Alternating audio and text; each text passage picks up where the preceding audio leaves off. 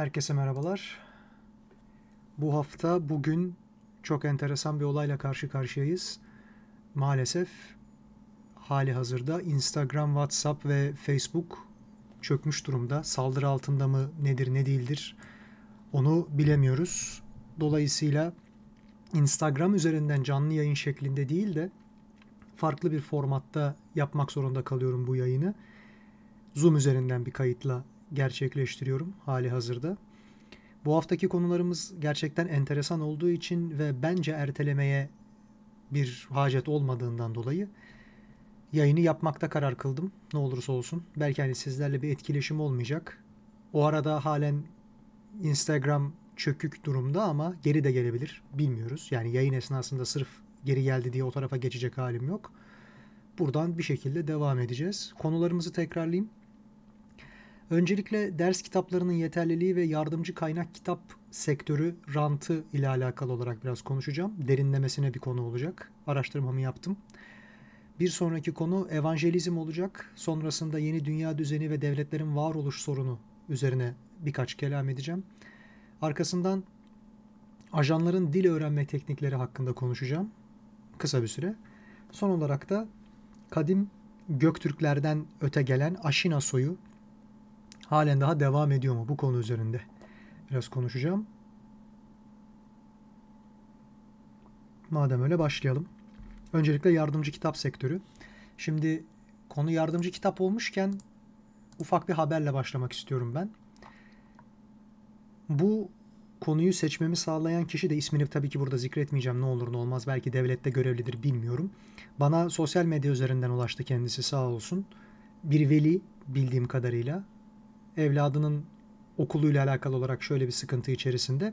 Biz Küresel Çeteye İnfaz kitabımız içerisinde bir Fulbright komisyonundan bahsediyoruz. Bu komisyonun 2. Dünya Savaşı'nın hemen akabinde Türkiye'ye eğitim sistemi üzerinde en azından çöreklenmeye başladığını ve eğitim sistemimizde bir vesayet teşkil ettiğini, yüksek öğrenimde, orta öğrenimde hatta ilk öğrenim seviyesinde bile bu vesayetin halen daha kırılamadığını, işte YÖK gibi kurumlarla zamanında ÜSYM, sonra ÖSYM ve tabii ki YÖK gibi kurumlar birlikte olmak üzere burada Milli Eğitim Bakanlığı'ndan bile daha fazla force sahibi haline geldiğini anlatıyorduk. Eğitimin bu yüzden bizde halen daha istenilen seviyede olmadığını ve gerçek diyebileceğimiz olaylar yerine bir takım kurmacaların bize anlatıldığını, onun da çok kötü bir kalitede anlatıldığını ve bu yüzden insanların artık merak da etmediğini, öğrenmek de istemediğini vurguluyorduk. Bunun değişmesi adına da bir takım reformlardan bahsediliyor.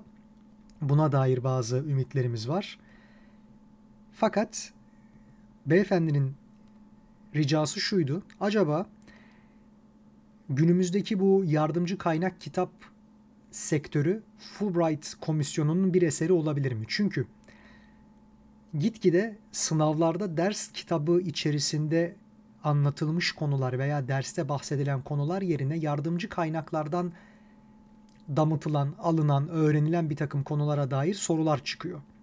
Bu sınavlar eğer derste öğrenilenlerden veya kaynak kitaplardan, ücretsiz dağıtılan kaynak kitaplardan çıkmayacaksa, yardımcı kaynak kitaplardan çıkacaksa bu da demektir ki veliler bir şekilde buraya para harcamak durumunda kalacaklar. Aynı şekilde öğretmenler de mecburen buradan çalışacaklar. Bizim derste belki bunları anlatmaya iznimiz yok. Bu kitaplardan alsınlar ve geçsinler buradan öğrensinler diyecekler. Ya da derste bu kaynak yardımcı kaynak kitaplardan anlatacağız.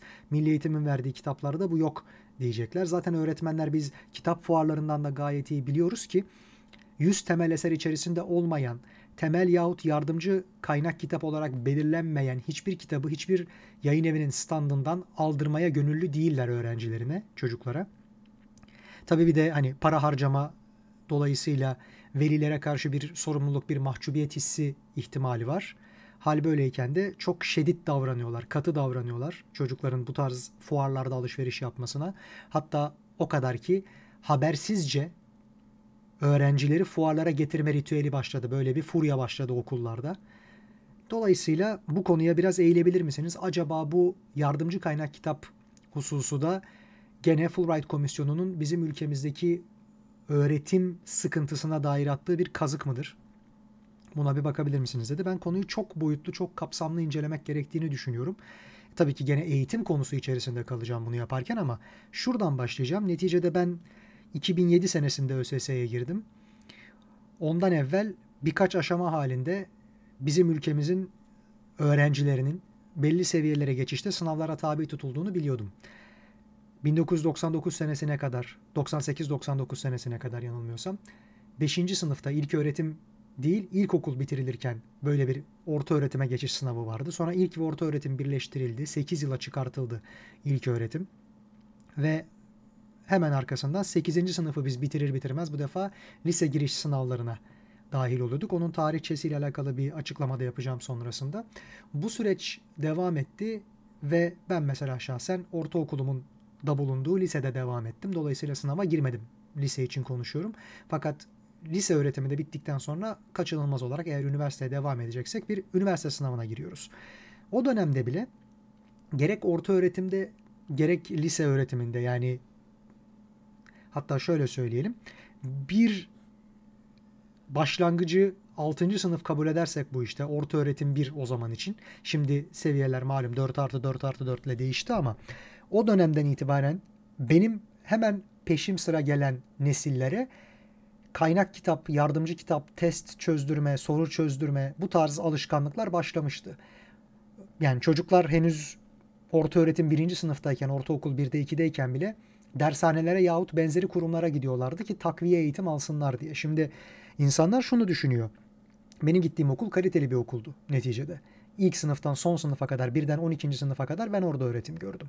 Ve burada aldığımız eğitimin kaliteli olup olmadığının sorgulanması bir yana bunun sınavda çıkacak olan konulara çok iyi hazırlık kapsamı içerisinde olup olmadığı başka bir sıkıntıydı. Biz o sıkıntıdan muzdariptik. Yani aldığın eğitim ne kadar kaliteli olursa olsun lisedeki öğretim ÖSS'de benim zamanımdaki adıyla üniversite seçme sınavında veya öğrenci seçme yerleştirme sınavı içerisinde çıkacak konulardan daha azıydı, daha farklısıydı. Dolayısıyla oradan alacağımız bir başarı puanı varsa okuldan o belli bir kısmını sadece karşılıyordu. Geri kalanı bizim bütün bu sınavdaki karalamalardan, soru çözmekten, test şıkkı işaretlemekten geçiyordu. Dolayısıyla biz de okulumuz ne kadar kaliteli olursa olsun mecburen yardımcı bir takım enstitülere, kurumlara, kuruluşlara yahut aygıtlara başvurmak durumunda kalıyorduk. Bu ülkenin makus talihi midir? Birazdan onu anlatacağım. Şimdi bu dönemde bile bize şu depolanıyordu veya ne derler artık ona pompalanıyordu.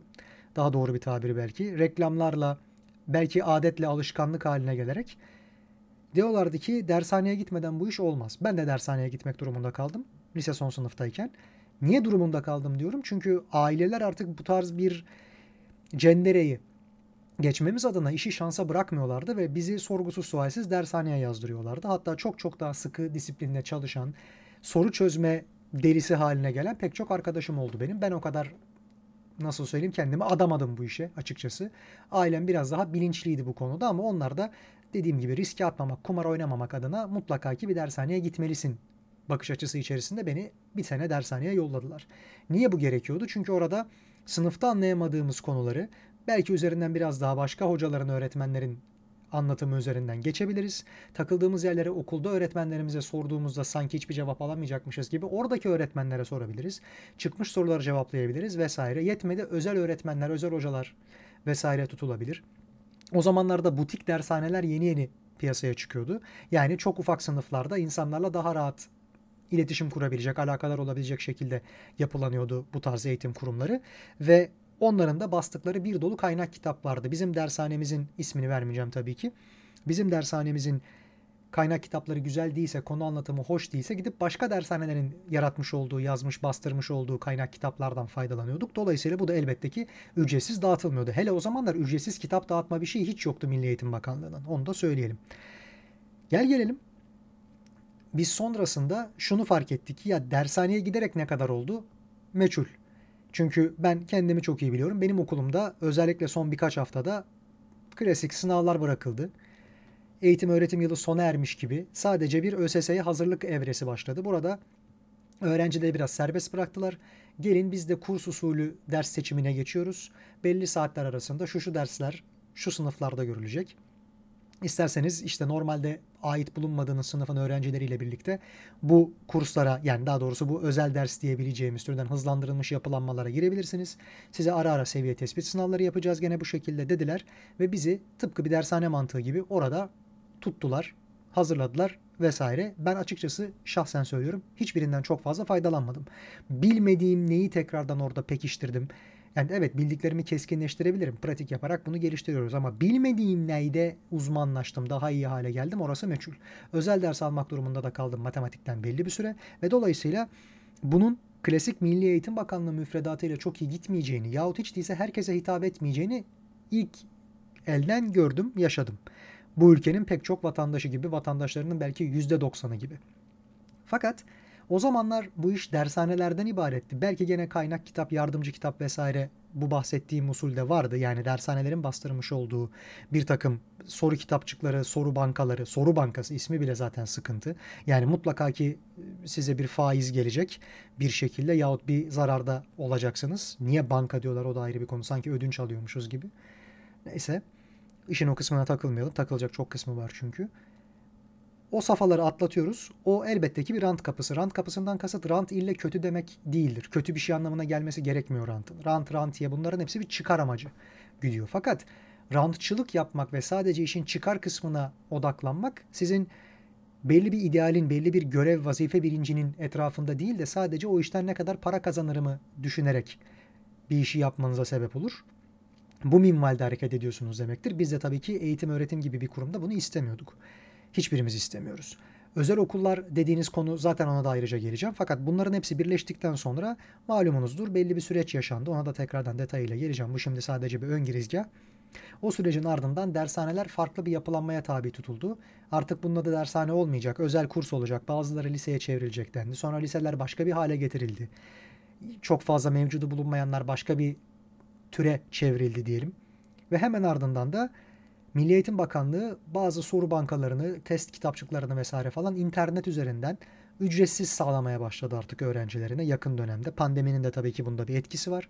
Yani dijitale, online sisteme geçmek kaçınılmaz hale geldi bir yerde. Fakat şunu da çok iyi görüyoruz ki birazdan rakamlarıyla, raporlarıyla beraber açıklayacağım. Yardımcı kaynak kitap halen daha belki dershaneler bittikten sonra bile çok çok çok çok çok büyük bir çıkar kapısı. Şimdi sistem öyle bir kurgulanmış ki bu iş evvela insanların üniversiteye gitmesi gerekliliğine dair bir kabullenmeyle başlıyor. Benim zamanımda vakıf üniversiteleri ve özel üniversiteler daha yeni yeni palazlanmaya başlamıştı. 2000'li yılların başında 90'lı yılların sonunda bunlar gerçekten hani emekleme evresini yaşayan kurumlardı.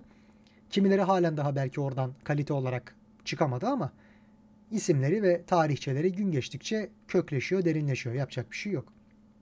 Tabii pek çok açıkta kalan üniversite öğrencisi yani klasik bildiğimiz devlet üniversitelerine gidemeyen öğrenciler de hiç değilse burada bir yerleştirme usulü sayesinde üniversite eğitimi almayı başarıyorlardı. Tam biz üniversiteye gireceğimiz vakitlerde öncelikle bu iş nereden başladı? Cem Uzan Genç Parti ile birlikte 2002 seçimlerine ilk başta gireceğinde sonra 2007 seçimlerinde de benzer bir şey tekrar oldu. Şu kampanyayı dile getirmişti. Biz ilk ve orta öğretim kaynak kitaplarını ücretsiz bastırıp dağıtacağız seçmene. Sonra gerçekten bu iktidar partisinin döneminde gerçekleşti. Yani bu vaat gerçek oldu. Fakat tabii ki Genç Parti'nin burada bir rolü yok. Yani iktidarda olmadı çünkü neticede. Sonrasında 2007 seçimlerinde şöyle bir vaadi vardı kendisinin. Biz 20 küsur tane yeni üniversite açacağız. Dolayısıyla üniversiteye giden genç sayımızı arttıracağız. Kalifiye işçi ihtiyacını da buradan arttıracağız. Fakat o zamanlar bir açık oturumdaydı. Bunun kaydı var şu an onu da söyleyeyim. YouTube'da bulabilirsiniz veyahut benzer video izleme portallarında, platformlarında o kayıt var. Karşısında birkaç tane gazeteci var. O tabi gazetecilerin hiçbirisi eğitim öğretim hayatı üzerine tahsil yapmış. Yani konusu araştırma alanı bu olan gazeteciler değil. Farklı farklı türlerden ilgi alanlarından getirilmiş, uzmanlık alanlarından getirilmiş. Şunu açıkçası pek sormadılar o dönemde. Ya 20 tane üniversite açacağız diyorsunuz da içini kimlerle dolduracaksınız? Yani ne demek bu kimlerle dolduracaksınız? Bizim bildiğimiz atanamayan çok fazla öğretmen var doğruya doğru. Fakat bunlar genellikle lise, ilk öğretim, orta öğretim vesaire seviyesinde. Bizim yüksek öğrenime hitap edebilecek açıkta kalan çok yüksek bir öğretim üyesi nüfusumuz mu var da hepsine birden yetişebilecek veya nihayet bir iş bulacak bir yerde öğretmenlik yapmaya başlayacak? Bunun cevabı yoktu. Bir ikincisi bu kadar Neticede homojen dağılmayacak bu iş. Yani kalite bakımından oradan çıkacak öğrencilerden ne beklenebilir? Bu da meçhul. Fakat mevcut iktidar 2007 seçimlerinin ardından bu yola gitti ve üniversite sayısını hayli fazlalaştırdı. Şimdi burada büyüklerimiz özellikle o dönemde de bu dönemde de bize konuşurlarken, konuyu anlatırlarken şu kısma değiniyorlar. Neticede şu an kalitesiz olabilir, doğruya doğru fakat Türklerin eğitim öğretim seviyesini arttıracak her türlü teşebbüs faydalıdır. Şu an iyi öğretim vermiyor olabilir.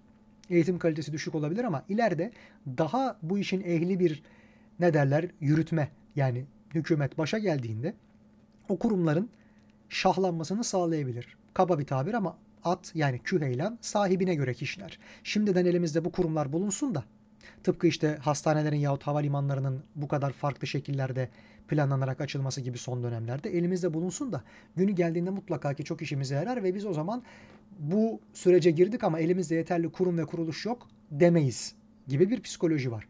Bu neticede haksız değil kendi açısından çok büyük haklılık payı var. Hani üniversite olsun da gerekirse çamurdan olsun hesabı. Fakat şimdi sıkıntı şurada başlıyor. Bir, buradan mezun olan öğrencilerin ne kadar kaliteli insanlar olacakları, ne kadar kaliteli bir eğitimin mahsulü, meyvesi olacakları belirsiz.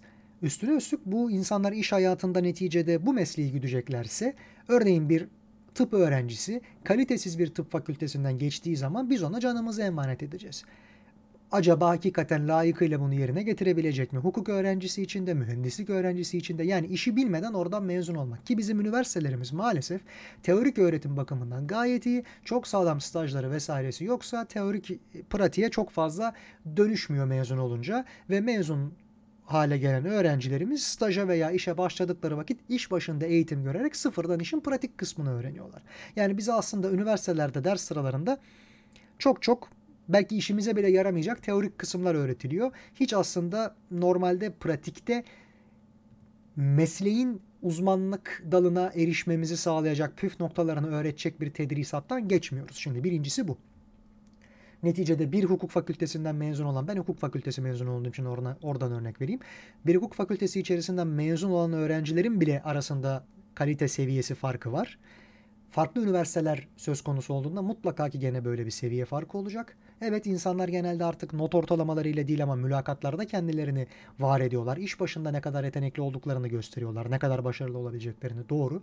Fakat sıfırdan ben şimdi bir işveren olarak da konuşabilirim bu konuda. Sıfırdan bir insana baktığınız vakit ya ben bunu eğitmek üzerine alacağım demek başka bir konu. Böyle idealist çok az yer var. Bir tanesi reklamını yapmak istiyorum. Yanılmıyorsam antik sanattı. Kadıköy'deki bir mağaza ve kendisi yetiştirilmek üzere tecrübesiz eleman alınacaktır diye bir ilan vermişti. Bundan 5-6 sene kadar evvel dikkatimi çektiği için halen daha aklımda. Geri kalan herkes bir de bilmem kaç yıl tecrübeli, mümkünse tecrübeli, Yeni mezun ama tecrübeli nasıl olacaksa bu tarz elemanların arayışı içerisinde. Yani hiç kimse yetiştirmekle vakit harcamak istemiyor. Herkes yetişmiş elemanı bir an evvel istiyor. Tıpkı bu futbol sektöründe, basketbol sektöründe olduğu gibi bana hazırı gelsin. Ben yetiştirmekle uğraşmayayım, kaymağını yiyeyim. Bir an evvel para kazanmama bakayım. Bir de bununla mı uğraşacağım durumu var. Çok hafif bir açıdan tabii ki haklı. Neticede kimse kimseyi yetiştirmek zorunda değil. Herkes ücreti mukavelinde bu işi yaptırdığı için idealist bir insan değilse der ki ben en hazırını en iyisini almak istiyorum. Fakat vereceği maaş da en iyisini hak edeceği türden bir maaş değil. Yani karşılığında ben en üst düzey elemanlık çalıştıracağım deme lüksü yok öyle bir maaş sunduğunda. Ha ekonomi kötüdür, şudur budur, primler yüksektir. Bu başka bir konu elbette. O yani sadece eğitimle ya da istihdamla alakalı bir mesele değil. Genel ekonomiyle alakalı bir mesele. Biz konunun diğer tarafına dönelim. Bir ikincisi aynı dönem içerisinde üniversite o kadar prestijli bir hale getirildi ki özellikle coğrafyamızın yoksun kalmış bölgelerinde elbette ki üniversiteye akın eden çok fazla öğrenci oldu. Ha üniversite sadece büyük şehirlerde mi olmalıdır? Şehir içerisinde ufak bir binada üniversite ne kadar üniversite hüviyetindedir? İlle kampüste dışarıda mı eğitim olması gerekir şehrin dışında izole bir yerde? Bunların hepsi farklı tartışma konuları elbette ama şöyle söyleyelim. Üniversiteye gitmek çok prestijli bir hale getirildikten sonra Aynı dönemde yabancı sermayeli pek çok şirket mesela IKEA bizim yurdumuza akın etmeye başladığında, sermaye getirdiğinde, yatırım yaptığında bizim ara üretim, zanaat vesaire el sanatları sektörümüz, torna tesviye, tezgah vesaire gibi bir takım zanaatlarımız bunlar yavaş yavaş kaybolmaya, toptancılaşmaya, ne derler artık ona kapital hale gelmeye başladı. Yani devasa büyük holdinglerin içerisinde onların hegemonyası altında klasik AVM'nin bakkala veya hatta belki süpermarkete bile baskın çıkması süreci gibi bir süreç yaşadık. E şimdi üniversiteler bu kadar prestijli hale getirildikten sonra çocukların pek çoğu da hatta ailelerin pek çoğu da şunu düşünüyorlardı. Ya eskiden adam olmak için okumak lazımdı. Diploması olmayan adam sayılmazdı. Niye? Halbuki diploma dediğiniz benim bir akrabamın söylediği üzere buradan kendisine selam olsun. Sadece evlenmekte hani karşı tarafın ailesine kendini takdim ederken bir ne derler artık ona hikmeti vardır. Yoksa sana dair çok fazla bir şey ispatlamaz. Ama hep şunu düşünürlerdi. Eğitim almak, okumak, okutulmak bunlar zor işlerdi yakın zamandaki 2000'lerin başına dek bunlar zor işlerdi. Doğruya doğru herkes yapamazdı. Tabii ki bir özenme durumu vardı ya biz de yapabiliyoruz artık ne kadar güzel diye. Tabii ki gerçekten okumak, okutulmak çok güzel bir hadise ama bunun sayısı arttıkça nicelik niteliği de bir yerde aşağıya çekiyor. Bu futbolda da basketbolda da bunun örneğini çok verebiliriz. NBA'de mesela 80'lerin sonu 90'ların başında toplamda 2, 4, 6, 8 takım yanılmıyorsam katıldı. Yok 6 takım katıldı. 89'da 2, 90'da 2, 95'te 2 şeklinde ve ligin genel kalitesi bir anda düştü. Çünkü normalde o ligde olmayı hak etmeyecek kadar bir alt kalitedeki oyuncuların pek çoğu da bu sayede bir oynama istihdam şansı buldu. E, genel izleme kalitesi, genel başarı seviyesi olarak da bir düşme yaşandı. Üniversiteler bu kadar fazlalaştığı vakit biz de benzer bir süreçten geçtik. Yakın zamanda bu toparlanır toparlanmaz o başka bir konu ama değineceğimiz kısım şu ya üniversiteye gitmek bu kadar prestijliyse masa başında özel sektörde Özal dönemiyle ANAP dönemiyle beraber devletten, kamudan özele geçen bir ekonomi varken yani para artık özel sektördeyken insanların pek çoğu da özel sektörün en kaymak tabakasında nasıl yer edebiliriz, nasıl bir iş sahibi olabiliriz diye düşünmeye başladığında bunun yolu eğitimden geçiyordu. Üniversite diploması evet masa başında otur, daha az çalış, daha iyi, daha garanti bir maaş kazan, daha üst düzey bir iş sahibi ol. Daha az kişinin ağız kokusunu çek vesaire gibi bir takım yansımalara sahipti toplumda. Bu böyle oldu ve mevcut hükümetin o dönemki politikaları da bunu bu şekilde destekledi. Daha da arttırdı hatta. O zaman ne oldu? Herkes üniversiteye gitmek istedi. Realistik meslek diyebileceğimiz türden yani toplumla iç içe birebir lebalep olacak meslek dalları garsonluğunda şef garsonluğundan tutun da Mesela az evvel bahsettiğim bir tornacılığa, bir marangozluğa kadar. Bunların pek çoğuna artık eleman bulunamamaya başlandı ki zaten bunların eğitim fakültesinden ziyade usta çırak ilişkisi vardı. Fakat bunlara dair bir eğitim fakültesi kurulabilir miydi? Tabii ki kurulabilirdi. Berberlik için vesaire şu bu ayrı. Mutlaka ki bir kalite gösteren diploma onlara da verilebilirdi. Hepsi olabilirdi. Fakat üniversiteye bu kadar fazla insan yönlendirildi. Onlar da artan genç nüfusla beraber oraya akın ettiler kapasite, giremeyen öğrenci sayısı vesaire bunların hepsi bir tarafa bırakıyorum. Bir şeyleri Türkiye'de yapmanın, iş güç sahibi olmanın tek yolu üniversiteymiş gibi lanse edilmeye başlandı. Şu an bile üniversiteye gitmeden ben meslek sahibi olacağım diyecek olan insanların önü yeni yeni açılıyor ailesi tarafından. Yani hadi canım olur mu öyle şey hayatını ziyan mı edeceksinden çıkıp ya diplomalı işsizler her yerde işsiz olmasa bile iyi bir maaş alamıyor. Çünkü zaten bu diplomalı insan sayısına yetecek kadar istihdam bir takım devlet politikaları ve ekonomik durumlar sebebiyle zaten sağlanamıyor. Mezunlar da evde işsiz işsiz oturuyorlar ya da çok düşük bir maaş karşılığında çalışmak durumunda kalıyorlar ve yıllar içerisinde bu maaş istenildiği en azından bir eğitim almaya değecek miktarda artmıyor. Dolayısıyla sen gene de bildiğin gibi yap yetenekli olduğun bir başka alan varsa üniversiteye gitmeni gerektirmeyecek. Oradan devam et denilecek raddeye geldi. Ben işin buradaki bilinçle başladığını düşünüyorum. Çünkü üniversiteye bu kadar fazla rağbet varsa, üniversiteye girecek öğrenci sayısı, bu sınava girecek öğrenci sayısı da bir o kadar artacaktır. Nüfusla birlikte gene aynı şekilde tabii. Ve bu kadar kaynak kitaba, yardımcı kitaba yahut dershaneye teveccüh edecek olan veli, aile ve öğrenci sayısı da artacaktır. Evvela buradaki manevi destekten tabii ki bahsetmek istedim o yüzden. Sonrasında gelelim şimdi bir de bu eleme sınavları ne durumdaymış. En son kaynak kitap kısmına değineceğim ki bütüncül bir terkip yapmayı başarabilelim. Şimdi 1960'lardan evvel üniversiteye giriş sınavı diye bir şey yok. Liselere daha sonradan geleceğim. Ne olacağına dair.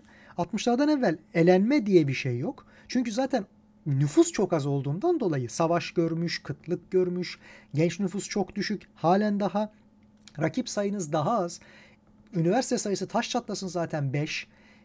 Aynı şekilde orta öğretim kurumlarının sayısı da az ve belki durumları çoğunun bugünün üniversitelerine kıyasla daha iyi olsa bile şartlar bakımından içler acısı. Her yere eğitim götürmek gibi bir ihtimal yok. Kaymak tabaka orada bir şekilde okuyor. Özel okullarda yahut devlet okullarında okuyor. Daha sonrasında da bir şekilde üniversiteye gidip kaydını yaptırıyor. Zaten bunun için herhangi bir elemeden geçmesi gerekmiyor. Keşke daha fazla olsa da bize gelse diye üniversiteler öğrenci kovalıyorlar. Peşindeler yani. Bu dönemden sonra 1960'larda münferit sınavlar başlıyor nüfus artmaya başladıkça. Ve ÜSS sınavı getiriyor. Üniversiteli seçme sınavı.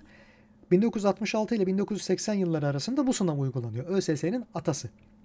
Sonrasında 1974'te bu otonom sınavlar yani her üniversitenin kendi yapmış olduğu özerk sınavlar içerisinde bir takım kayırmacılık faaliyetleri dönüyor. Torpil dönüyor. Dahası bunların giriş sınavları benzer zamanlara konuluyor. Çakışma oluyor. Birini kaçırdığınızda bir sene daha beklemek zorunda kalıyorsunuz.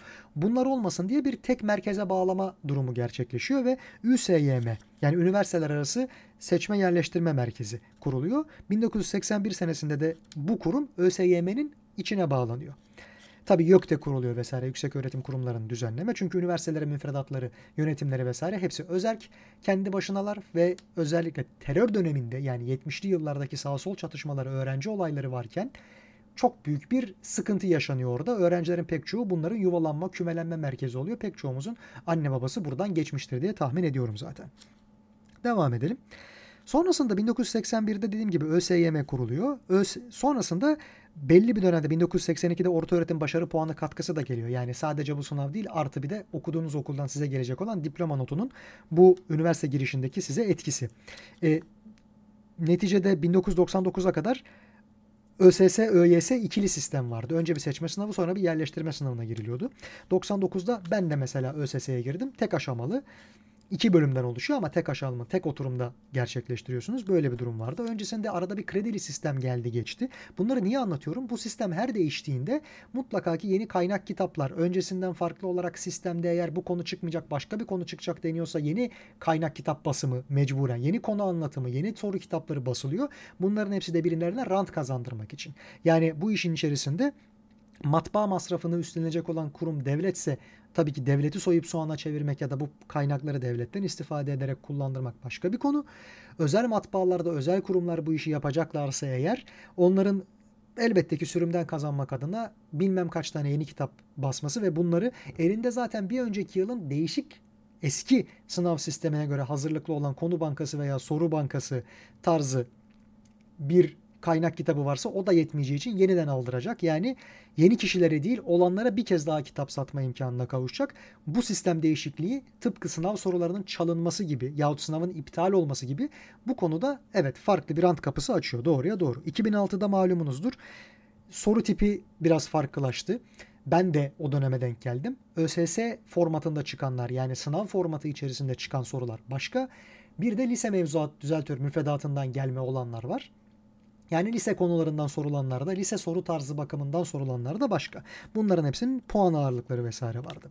2010'da YGS ve LYS'ye geçildi. Yani e, yüksek öğrenime geçiş sınavı ve lisans yerleştirme sınavı gene iki sınava döndü. İşte fakat bu sefer birinden geçip diğerine girmek gibi bir şey olmadı. ÖSS, ÖYS'de öyle bir durum vardı. %40 ağırlığı oldu yüksek öğretime geçiş sınavının. %60'da LYS'nin etkisi vardı. Fakat LYS'nin içerisinde de 5 grup sınav vardı. Bunların hepsine ayrı ayrı giriliyordu iyice çocuklar şizoid hale geldiler. Tabii ben o dönemde akrabalarımdan dolayı biliyorum. Sonra 2018-2019 döneminde YKS dönemi başladı. Yüksek Öğretim Kurumu sınavı diye yüksek öğrenime geçiş ya da yüksek öğrenim kurum sınavı artık her neyse açılımı. TEOG dönemi içerisinde bu gerçekleşti. E, iki oturumlu yapılıyor. Önce bir eski YGS'nin yerini alan temel yetenek testi var. %40 etkili. Bir de YKS kısmı var. %60 etkili. Şimdi bunlar yapılıyor. Bir de tabii şunu unutmayalım. Öğrencilerimiz ben de dahil olmak üzere buradan geçtim. Matematik fen, Türkçe matematik ve sözel bölüm, Türkçe sosyal olmak üzere ayrılıyordu genelde. Yani sözel, eşit ağırlık ve fen, sayısal daha doğrusu pardon olmak üzere ayrılıyordu. Buradan zaten ortaya çıkan bir kategorize kategori haline getirme, sınıflandırma rantı var. Ayrı ayrı kitapçıklar üretme vesaire. E sözel bölüm artık yok gibi bir şey. Ben de zamanında çok istedim girebilmeyi ama olmadı oradan. Okulum açmadı yani öyle bir sınıf. E şimdi o yok. Diğer ikisinde gırla gitsin ama o kitapçıklar da basılıyor halen daha vesaire.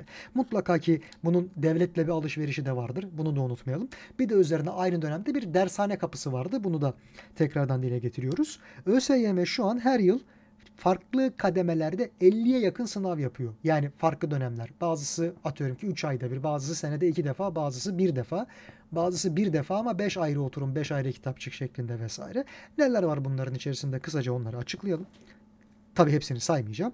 E, adli idari yargı sınavları var. ALES var. Akademik ve lisansüstü eğitim. Dikey geçiş sınavı var. Yabancı dil sınavı var. DGS ve YDS. KPSS var. Kamu personeli seçme sınavı. İş sağlığı güvencesi için İSG sınavı var. E, bakanlıkların kendilerine has sınavları var. Bunlar da aynı şekilde bu kurumlardan akredite öyle söyleyelim. Tıpta uzmanlık TUS sınavı çok zorlu bir sınavdır. Ayrıca yardımcı dalda uzmanlık YUDUS ya da YDUS şeklinde geçen Yüksek öğrenim yabancı dil sınavı YÖK dil ve tabii ki ÖSS yahut bugünkü muadili her neyse o sınav var. Bunun üzerine bir de liseler var. Onlardan da biraz bahsedelim. Şimdi 1955 zamanı içerisinde o dönemlerde Anadolu liselerine bir geçiş sınavı vardı. Sonrasında ben burada tarihçesini hatta şurada çok güzel bir siteden buldum. Onu da nereden olduğunu söyleyeyim. oğuzkağankoleji.com açıklayalım kaynağı da. Büyük bir tarihçe kronoloji yapmış. 1955-99 arası 5. sınıfın sonunda Anadolu Liseleri sınavı var. 2000'de LGS başlıyor. 99'da çünkü kesintisiz eğitim, ilk öğretim 8 yıla çıkartılıyor. Sınavlar da 8. sınıfın sonunda başlıyor. 2004'te OKS var. Hatta hepimiz bir dizi vardı OKS anneleri diye. Onu bile gördük. Yani bu sınava hazırlanan ortaokul çocuklarına dair neler yapması lazım ailelerin şeklinde. 2008'de seviye belirleme sınavı. 6 ve 7. sınıflarda ve sonrasında OKS. Sonra 8. sınıfta sadece seviye belirleme sınavı. 2014'te TEOK, 2018'de LGS. Bunun farklı ayakları farklı şekilde puanlandırılıyor vesaire vesaire vesaire.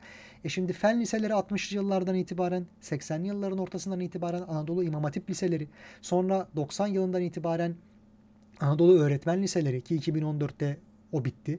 98 yılından itibaren işte LGS kapsamına geliyor bunların hepsi. Hep birlikte burada değerlendiriliyor. Bir vakitler süper liseler vardı. Şimdi hiçbir sebebi, hikmeti kalmadı. Hiçbir hükmü kalmadı. Belki kapatılmıştır bile tam net bilmiyorum. Sonlandırılmıştır. Onlar vardı. Onlar bitirildi. Sosyal bilimler liseleri de aynı şekilde 2003'ten itibaren sınavla öğrenci almaya başladılar. E şimdi kontenjanlara baktığımızda toplamda 1. yani 1 milyon 255 bin 441 olduğunu görüyorum buradan. 2017 döneminde sadece. Bu tabii ki katlanarak artmıştır. Yani 2 milyona kadar dayandığını söyleyebilmek mümkün şu an için. Tam net rakam elimde yok. Karşımdaki istatistiklerden konuşuyorum. E ve neticede kontenjan açısından baktığımız vakit bu hani İstanbul mesela sadece 153 bin. Türkiye genelinde 1.3 milyon kabaca diyelim bu kadar fazla rağbet duyulan, görülen bir kurumdan bahsediyoruz. Az evvelki kronolojiye ek olarak şunu da söyleyeyim. Anadolu Lisesi sayısında bir değişim yaşandı. Oradan da tabii bahsedeceğim. 55-56 öğretim yılında özel okullara ve 6 adet Marif Koleji'ne sınavlı öğrenci alınmaya başladı. Bunlar neler? İstanbul, Kadıköy, Kadıköy Anadolu Lisesi, İzmir, Bornova Anadolu Liseleri, Diyarbakır, Konya, Samsun ve Eskişehir Anadolu Liselerinde bu uygulama başladı. 75'te bu okulların hepsi Anadolu Lisesi'ne çevrildi. 76'dan 93'e kadar sayıları 193'e çıktı. 2003'te 500'e, 2011'de 1700'e çıktı. 2017'de Anadolu liselerinin sayısı 3074'e kadar çıktı. 2018'de Anadolu liselerinden imam hatiplere dönüştürme safhası başladığı vakit pek çoğu imam hatipe dönüştürüldü ve 3074'ten bu sayı 222'ye yanılmıyorsam ya da 225'e düşürüldü. Dolayısıyla Anadolu Lisesi formatı içerisinde de bir değişim yaşandı. Bunun yanı sıra bir başka olay daha gerçekleşti. Şimdi biz böyle bir dönüştürme, değiştirme vesaireden bahsediyoruz. Bir de üzerine özel okulların, kolejlerin tırnak içerisinde söylüyorum işi batmış müteahhitlere devredilmesi dönemi başladı ki zararlarını oradan çıkarsınlar. İnşaat sektörünü tabii ki ilk başta kriz vurur. Yani kriz dediğimiz bir hadise ortaya çıktığında siyasi bir kriz değilse, ekonomik bir krizse her şeyden evvel o gelir evvela inşaat sektörünü vurur. Neden? Çünkü bütün işte yapılacak edilecek işler döviz üzerine endeksidir ve tabii ki yatırımlar önceden anlaşıldığı üzere aynı fiyat üzerinden devam etmez. Uzun vadeli yatırımdır bunlar ve müteahhitin zarar etmesi çok daha mümkün hale gelir. Ekonomi krizi yokken de müteahhitler en çok kazanan sınıfın içerisinde yer alırlar. Şimdi bu sıkıntı yaşayan grupların pek çoğuna ismini sizin de çok iyi bildiğiniz bir takım çok önemli özel eğitim kurumları satıldı, devredildi. Bunlardan bazıları zaten terörle bağlantıları vesairesi şu bu yüzünden kayyuma çıkmıştı, devredilmişti. Onların yeni sahipleri de eğitimci, öğretimci vesaireci olmadıkları için neticede bir kriz yaşandı. Öğretmenlerin maaşı ödenmedi. Öğrencilere çok iyi bir kaliteli eğitim gitmedi. Konunun eğitimcilikle hiçbir alakası olmadığı için belki o insanlar bazında nezdinde eğitimi ön plana koyan hiçbir politika takip edilmedi ve bir mağduriyet daha yaşandı. Özel okul olmasına rağmen ki fiyatlarının da ne kadar arttığını hepimiz çok iyi biliyoruz. Bir de üzerine şu vardı. Dershaneler söz konusu olduğu vakit şimdi de onlara geleceğim. Dershaneler içerisinde pek çok insan şunun çok iyi farkındaydı ki ya buradaki öğretmenlerin bazıları kargo şirketlerinde franchise şube sahibi. Bunu internette araştırdığınızda bulabilirsiniz. Oradan barındırılmayan bazı öğretmenler, öğretmen olarak barındırılamayan bazı kişiler diyelim kargo şubesinin müdürü oluyor. Başına geçiyor. Franchise sahibi oluyor vesaire gibi. Böyle durumlar da yaşandı. Yani bu dershane sahiplerinin de ne kadar eğitimci olduğu ya da bu dershanelerin bazıları o kargo firmalarının sahipleriyle birlikte yönetildi. Onlara satıldı, devredildi. Onlar kurdu, yönetti vesaire gibi. Eğitimci kademeden gelenlerin pek çoğu burada yer almadı. Dolayısıyla dershaneler de yani insanların okul yapamıyor, beceremiyor. Burada bir açık var biz başka bir kuruma başvuralım diye gittikleri, medet umdukları çıkar kapısı da artık bu işi görmemeye başladı. Ta benim okuduğum dönemde de bu böyleydi. O yıllardan öte gelen bir hadise. Peki dershaneler konusundaki kronoloji ne? Ona da bir bakalım. 1960'larda dershanelerin sayısı artmaya başladı. Ondan evvelinde hep 50'lerde özel eğitim kursları olarak bunlar vardı.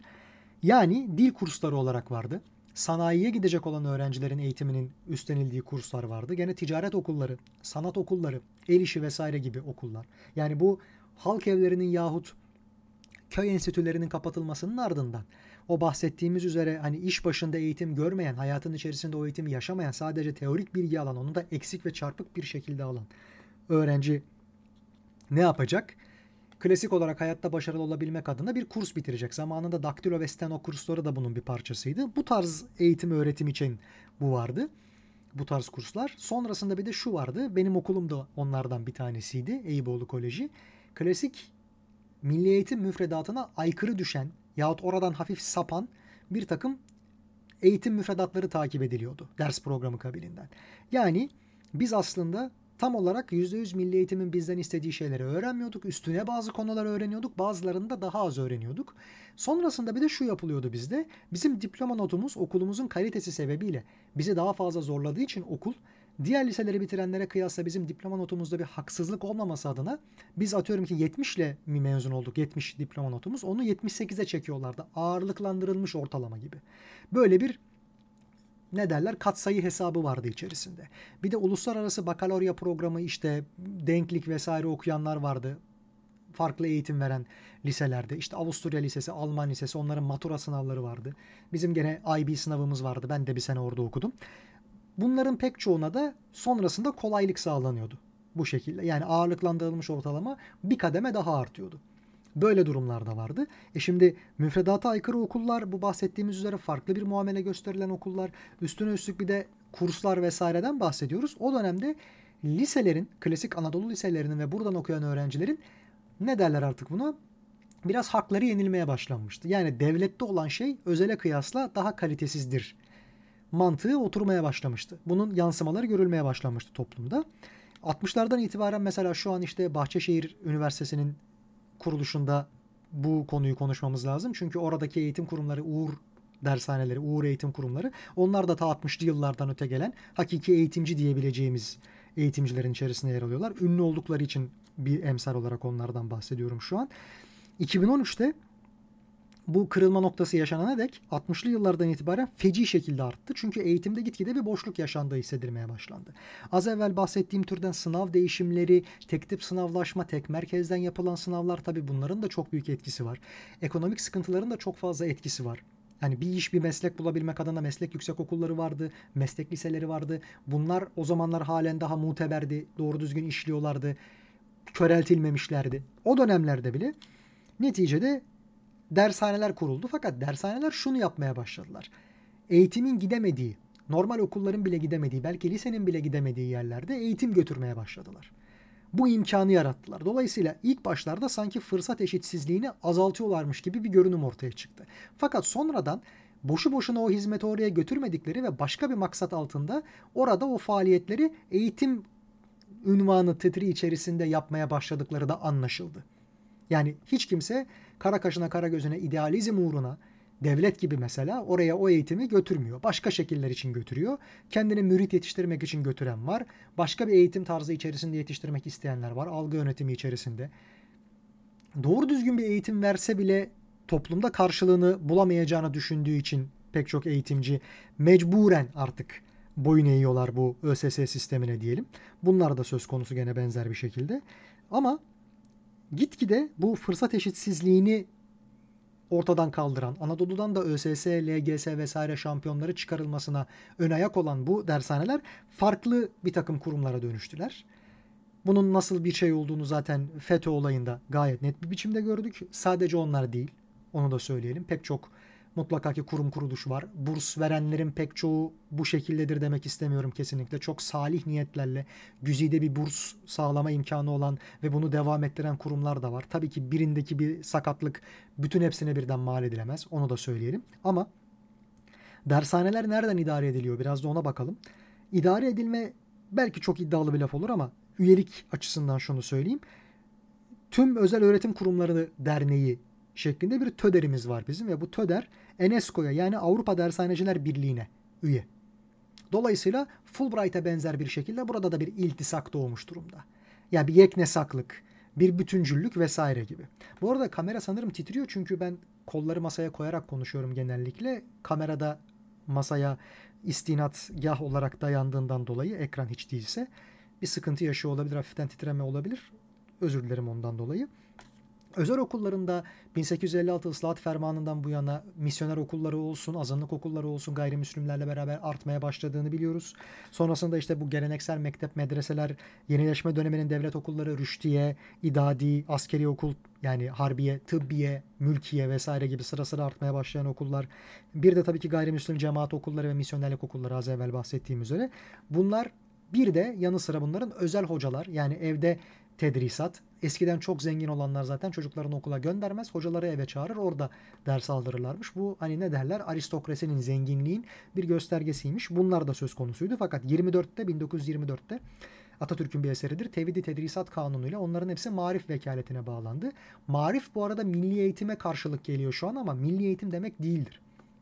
Marif insanları arif hale getirmenin kurumu açıkçası. Fakat şu anki eğitim bizi ne kadar arif hale getirir? Çok iyi bir eğitim veriliyor görünse bile bunu ne kadar kalifiye insanlar ne kadar iyi bir şekilde hangi çocuğun nasıl hitap alınacağını da nasıl ilgisinin uyandırılacağı da bilinmeksizin ve buna dikkat edilmeksizin öğretiliyorsa ne kadar kaliteli bir eğitime maruz kalıyor bizim evlatlarımız o da tamamen başka bir tartışma konusu. Yani yanlış ve eksik olanı bile sakat bir şekilde öğrettikten sonra gerçekten insanda merak kalmıyor.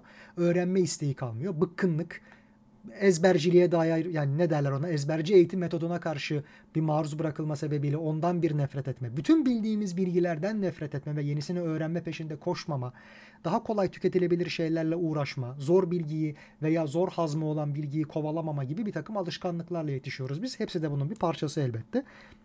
Şimdi üzerine ne oldu onu da söyleyelim. 1931 senesinde devlet ve özel işbirliği Türk Eğitim Derneği'nin yani TED'in kurulmasıyla beraber daha da arttı. Hakiki girişimlerin, güzel girişimlerin başında geliyor TED. Ankara'da anaokuluyla başladı. Bursa'da bir kız lisesi açıldı. Sonrasında bugüne kadar devam etti. 60 darbesi, 80 darbesi sonraları yeni anayasalar içerisinde özel okullar devlet tarafından alenen desteklenen kurumlar haline geldiler. Devlet yavaş yavaş bu işin özelle olacağını düşünmeye başladı ve parasız yatılı gibi imkanları varken müthiş eğitim veren o kurumların pek çoğunda eğitim kalitesi düştü gitgide onu da söyleyelim. E şimdi sözleşmeli personel durumu ayrı, devlet memuru olanların durumu ayrı, kadro sahibi olanların durumu ayrı, atanamamış öğretmenlerin durumu söz konusu. Bunların hepsi aslında bu ekosistemin tabii ki bir parçası onu da söyleyelim. Ve şu an 2500'ü aşkın özel okul var. Bunlar da eğitim sisteminin, ekosistemin parçası. Bunlar da o kaynak kitapların ve yardımcı kaynak kitapların tüketicisi. Şimdi bunların hepsiyle beraber şu kısma geleceğiz.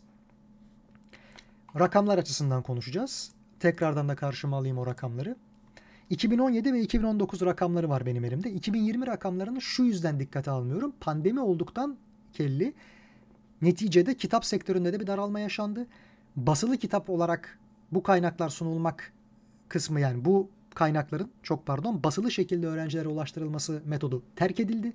Ne oldu? Artık konuşmanın başında bahsettiğim üzere Milli Eğitim Bakanlığı belli adet kaynağı online şekilde sunuyor öğrencilere internet sitesi üzerinden. Bu durum söz konusu olduğundan dolayı artık bu son 2019-2020 geçişinde pandemi sebebiyle düşen pazar payının yahut rakamların dikkate alınmaması gerektiği kanaatindeyim. O olağanüstü bir durum. Dolayısıyla 2017'den 2019'a kadar yaşanan o yükselmeyi ve mevcut durumun neleri ifade ettiğini ben burada konuşacağım. Şimdi Yay 1 sitesi içerisinden, Yayıncılar Birliği'nin sitesi içerisinden bu raporlara ulaşabilmeniz mümkün. Ben de oradan aldım. Şimdi belli bir skalası var basılan kitapların ve bunların pazar payları, pazar değerleri bu raporlar sayesinde insanlara sunuluyor, arz ediliyor. 2017 rakamlarına bakacak olursak bu ekosistem içerisinde Milli Eğitim Bakanlığı tarafından ücretsiz dağıtılan ders kitaplarının payı toplam pazar payı diğer kitapların içerisinde ki bu kalemleri de biraz açıklayalım. Peki pardon oradan girelim. Bu segmentler şöyle. Eğitim yayınları var. Yani ücretsiz dağıtılan ders kitapları var. Bir de yardımcı kaynak ve sınava hazırlık kitapları var. Asıl bizim konumuz olan. Dijital platformlardaki eğitim ve yardımcı kitapları saymıyoruz çünkü onlar hali hazırda ücretsiz dağıtılıyor. Bu eğitim yayınları segmenti. Diğer segment kültür yayınları. Bizim klasik bildiğimiz kitaplar yani yetişkin kurgu, edebiyat. Kurgu dışı, inceleme, araştırma, tarih vesaire. Bunlar da aynı şekilde. Çocuk ve ilk gençlik kitapları. Kurgu, kurgu dışı ve çocuk kitapları. İnanç kitapları. Bunlar ayrı ayrı segmentler. Sonra bir diğer segment akademi yayınları. Yani akademik yayınlar. Bu segmentin içerisinde de basılı akademik ders ve referans kitapları var. Bunların pek çoğu zaten üniversite olduğundan dolayı kitabı. Bu kadar fazla bir pazar payları olmayacak. Göreceğiz birazdan. Bir de dijital veri tabanları üzerinden yapılan kitap ve abonelikler var. Bir diğer segment ithal yayınlar. İşte ithal dil eğitimi, dijital platform, akademik ve referans kitaplar ithal aynı şekilde. Ondan sonra ithal dijital kitap ve dijital veri tabanı abonelikleri bir de ithal kültür ve sanat basılı kitaplar var. Yani diğer segmentlerdekilerin ithal olarak geldikleri. Şimdi 2017'deki rakamlara bakacak olursak bunların hepsi içerisinde ücretsiz dağıtılan ders kitapları 385 milyon TL ile %6,64'lük bir pazar payına sahip. Peki yardımcı kaynak ve sınava hazırlık kitapları ne kadar? 1 milyar 857 milyon TL toplamda %32,04'lük bir pazar payına sahip. Üstelik normalde o dönem kültür yayınları eğitim yayınlarından toplam segment payı olarak baktığımızda daha büyük bir paya sahip pasta içerisinde. Fakat yardımcı kaynak ve sınava hazırlık tek başına diğer kaynaklarla bir bir karşılaştırıldığında hepsinden daha büyük bir pazar payı arz ediyor. Onu da söyleyelim. Peki 2019'da bu durum ne oldu? Asıl vahim nokta bu. 2019'da eğitim yayınlarının toplam payı kültür yayınlarına fark attı. O zamanlar diyordum yani kültür yayınları eğitim yayınlarından biraz daha fazla diye. 2019'da %53 eğitim yayınları oldu. %37,36'da kültür yayınları oldu. Pazar payı açısından bakacak olursak.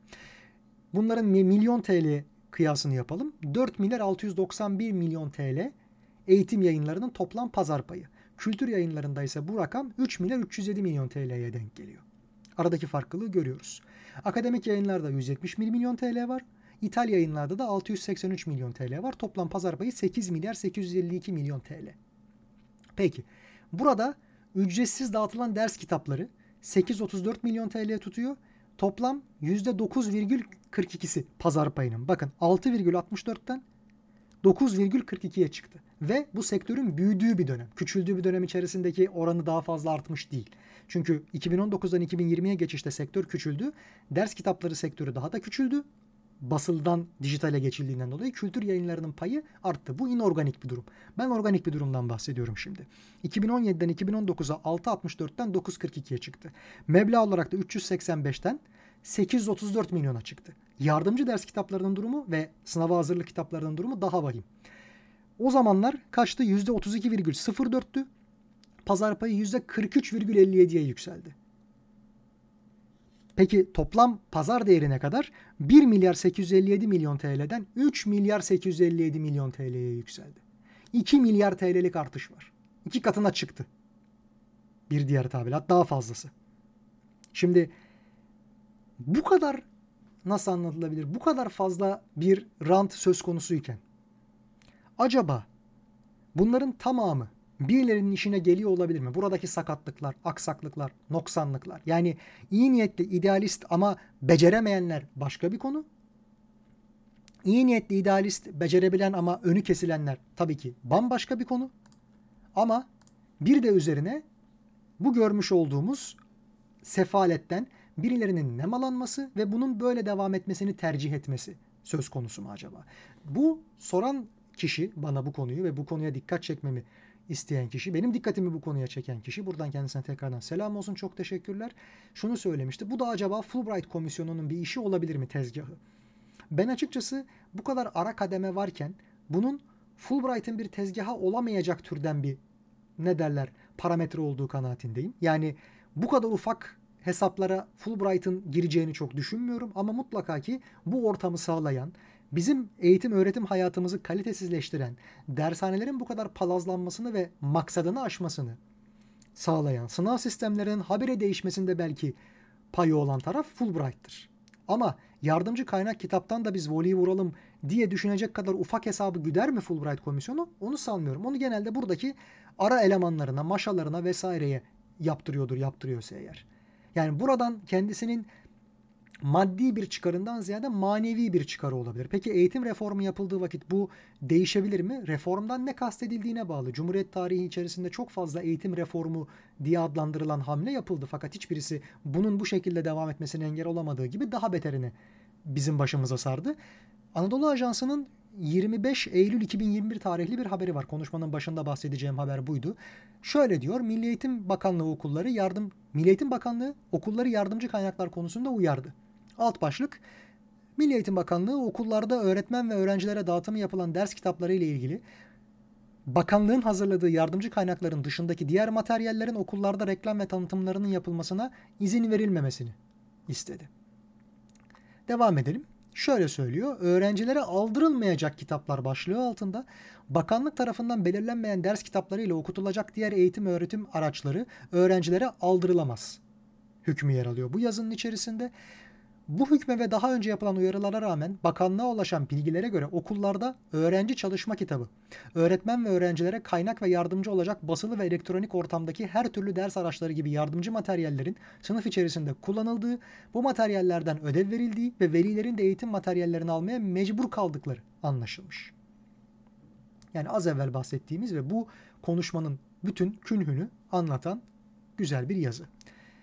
Bakanlık bununla alakalı olarak bir engelleme yapmak istiyor. Fakat düzen bu şekilde kurulduktan sonra reform haricinde herhangi bir şekilde düzeltilebilir mi? Hayır. Çünkü ne kadar büyük bir rant kapısı olduğunu rakamlarıyla açıklamaya çalıştım ve sistemin genel kurgulanması usulüyle. Şimdi evvela bana kalırsa naçizane 32 yaşında bir insan olarak onu söyleyeyim. Bu düzenin değişmesi ancak şöyle mümkün olabilir. Birincisi herkesin üniversite mezunu olması yahut herkesin belirli alanlarda fakülte bitirmiş bir üniversite mezunu olması gerekmediği gibi zanaata, el sanatlarına, toplumun farklı alanlarında farklı iş güç kollarına vesaire yarayabilecek türden sektörlere yatırım yapılması sağlanabilir. Bunlara ara eleman yahut eleman yetiştirmek için farklı kurslar, kademeler vesaire açılabilir. Üniversitelerin eğitim kalitesi, mezun kalitesi bu sayede daha rafine bir hale gelecektir. Onu da söyleyelim. Daha yukarı çekilecektir. Çünkü gerçekten okumak isteyen, çıkışını okumada gören, yani böylesi fakültelerden üniversite mezunu olmakta çıkışını gören hayatını burada kurtaracağına ve kuracağına inanan insanlar gelip burada okur. Niye eğitim herkese göre değildir? Bu bir aşağılama unsuru değil. Mesela tıp bana göre değil. Ben niye tıp fakültesine gideyim? Bunun gibi düşünmek lazım. Size uygun olan neyse yeteneğinize ve yatkınlığınıza ve hayallerinize göre onu tercih etmeniz daha önemlisi. İstemediğiniz bir şeyi okutmak neticede ailenizin size yapmış olduğu bir uygulama olabilir istemiyorsunuzdur. Fakat iyi bir mesleğim olsun diye mecburen buna gidiyorsunuzdur. İlgi alanlarınız normalde çok başkadır. Kader utansın der okursunuz. Bunlara maruz kalmak zaten işin büyük sıkıntılarının başında geliyor. Bir de üstüne dediğim gibi bu zanaat konusunda ne yazık ki yetiştiren yerler eskisi gibi olmadığı için, köreltilen bir sektör, bir durum olduğu için belki yavaş yavaş tekrardan onların hatırlanması, onların yine dünya klasmanı içerisinde bu ne derler fabrikasyon çıkışlı ürünlerden alınıp da el ürünü, el imalatı kısmına geçiş yapılması ve buralarda insanların değerlendirilmesi, parasını burada kazanabilmesi teşvik edilir. Böyle bir takım teşvikler çok yardımcı olabilir bu sektörün ilerlemesine. Okul sayısının arttırılması, üniversite kontenjanının arttırılması, ya bunların tamamı yakını mutlaka ki çok güzel pansuman tedbirleridir de insanlara evvela tek çıkış kapısının üniversite olmadığı bilincinin aşılanması başlamalı. Bence çünkü her şey bunun tam aksinin bir bilinç olarak öğrencilere ve ailelere aşılanmasıyla başladı. Sonrasında tabii bu tabii 1970'li yıllardan öte gelen bir durum. Bunu da belirtelim yani mevcut hükümetle alakası olan bir şey değil sadece. Bu noktada bir katalizörlük görevi görüldü sadece. O başka bir konu. Devamında başka nasıl yapılabilir? Bir ikincisi bu kaynak kitap, yardımcı kaynak kitap vesaire sektörünü bir nebze durdurabilmek adına şu yapılabilir. Milli Eğitim Bakanlığı sınavlarda gerçekten hangi konular ve sorular çıkacaksa bunlara yönelik kaynakların basımını üstlenebilir. Burada bir tutarsızlık, eksiklik, fazlalık vesaire kalmaz. Benim dönemimde de dershane kitaplarının içerisinde de okul kitapları içerisinde de olmayan bir takım bilgiler ÖSS'de çıktı. Ben genel kültürüm sayesinde o edebiyat sorusunu mesela yapabilmiştim. Okutulmayan yazarlar, okutulmayan eserler bunlar çıktı. Bazıları hiç kendi okulunda türev integral görmüyor fakat sınavda limit türev integral çıkıyordu mesela. Bunları yaşadık. Bunlar olmazsa eğer bir yeknesaklık içerisinde insanları oraya sokacaksanız bu aynı tek tip eğitimi hiç değilse kaliteli bir şekilde aldırarak bazı konuların sıkıntı yaşamasının önüne geçilebilir. Sıkıntıya yol açmasının daha keza aynı şekilde. Yani ben belki tek tip eğitime karşıyım doğru. Fakat az evvel bu üniversiteler şimdilik açılsın da gerekirse içi kalitesiz insanlarla doldurulsun. Zaman içinde o doğru yönetimle, doğru idareyle hazır tesis bulunduğu vakit kaliteli hale getirilecektir bakış açısına benzer bir şey söyleyeceğim. Tek tipte olsa kaliteli bir şekilde bir eğitim olsun ki müfredatı belirlensin ve her 2-3 senede bir değiştirilmesin ki ve belli bir tür değiştirme kapsamı içerisinde kurumlar bambaşkalaştırılmasın ki yani bir ekol yaratılacaksa eğer bu ekoller tam olarak yaratılabilsin ve var olan ekoller de çökertilmesin ki o noktadan itibaren bir gelecek nesillere yazık olmasın. İki kaynak kitap adı altında sizin eksikliğinizi tamamlamak adına bir şeyler yapmaya çalışan insanlar da buradan nemalanmasın. Çünkü öğrenciler evet kaynak kitapları bedavaya alıyorlar. Fakat pek çoğu neticede ailesi çok zengin insanlardan müteşekkil değil ailelere baktığımız vakit. Öyle ailelerin fertleri değiller. Dolayısıyla ne yapmak lazım? Bu insanları bir şekilde desteklemek adına, onların farklı yerlere harcama yapmasını en azından engelleyebilmek adına ne gerekiyor? Bu sınavlarda çıkacak olan konular, soru başlıkları vesaire neyse ilgili merkezle, ÖSYM ile bakanlığın ilgili kurum başka her neyse müfettişlik midir neresidir bilinmez. Orasının koordineli şekilde çalışması lazım. Ha bu idealinden bahsediyorum. Bu insanlar bundan haberdar değiller mi bu ihtimalden? Mutlaka ki haberdarlar. Niye yapmıyorlar? Onu da artık sizin görüşünüze bırakıyorum. Bunca veri arz ettikten sonra bu kadar kelam ettikten sonra bunun takdirini de size bırakıyorum. Ben açıkçası böylesi bir çıkar kapısı varken milyar dolarlık, 3 milyar dolarlık hele senelik bir rant kapısı açılmışken böyle bir sektör varken kolay kolay bunun değişeceği kanaatinde değilim. Bunu değiştirmemek adına çok çirkeflikte dönecektir. Olan kimi olacak? Aileleri olacak. Gelecek nesillerimiz olacak. Çoluğumuz da çocuğumuz olacak. Yapacak bir durum yok. Ha sanılmasın ki dünyanın diğer ülkeleri bu konuda saadet içerisinde. O yüzden söylüyorum. Yani bu çok pardon sadece bizim ülkemizde bir Fulbright eseri olmak zorunda değil. Pek çok ülkede zaten bu çarpıklıktan hükümet dahil pek çok ne derler artık odak, otorite para kazanıyordur. Çıkar sağlıyordur, nemalanıyordur. Onu da söyleyelim. Bir diğer konuya geçelim buradan. Bu konuyu burada noktalamış olalım.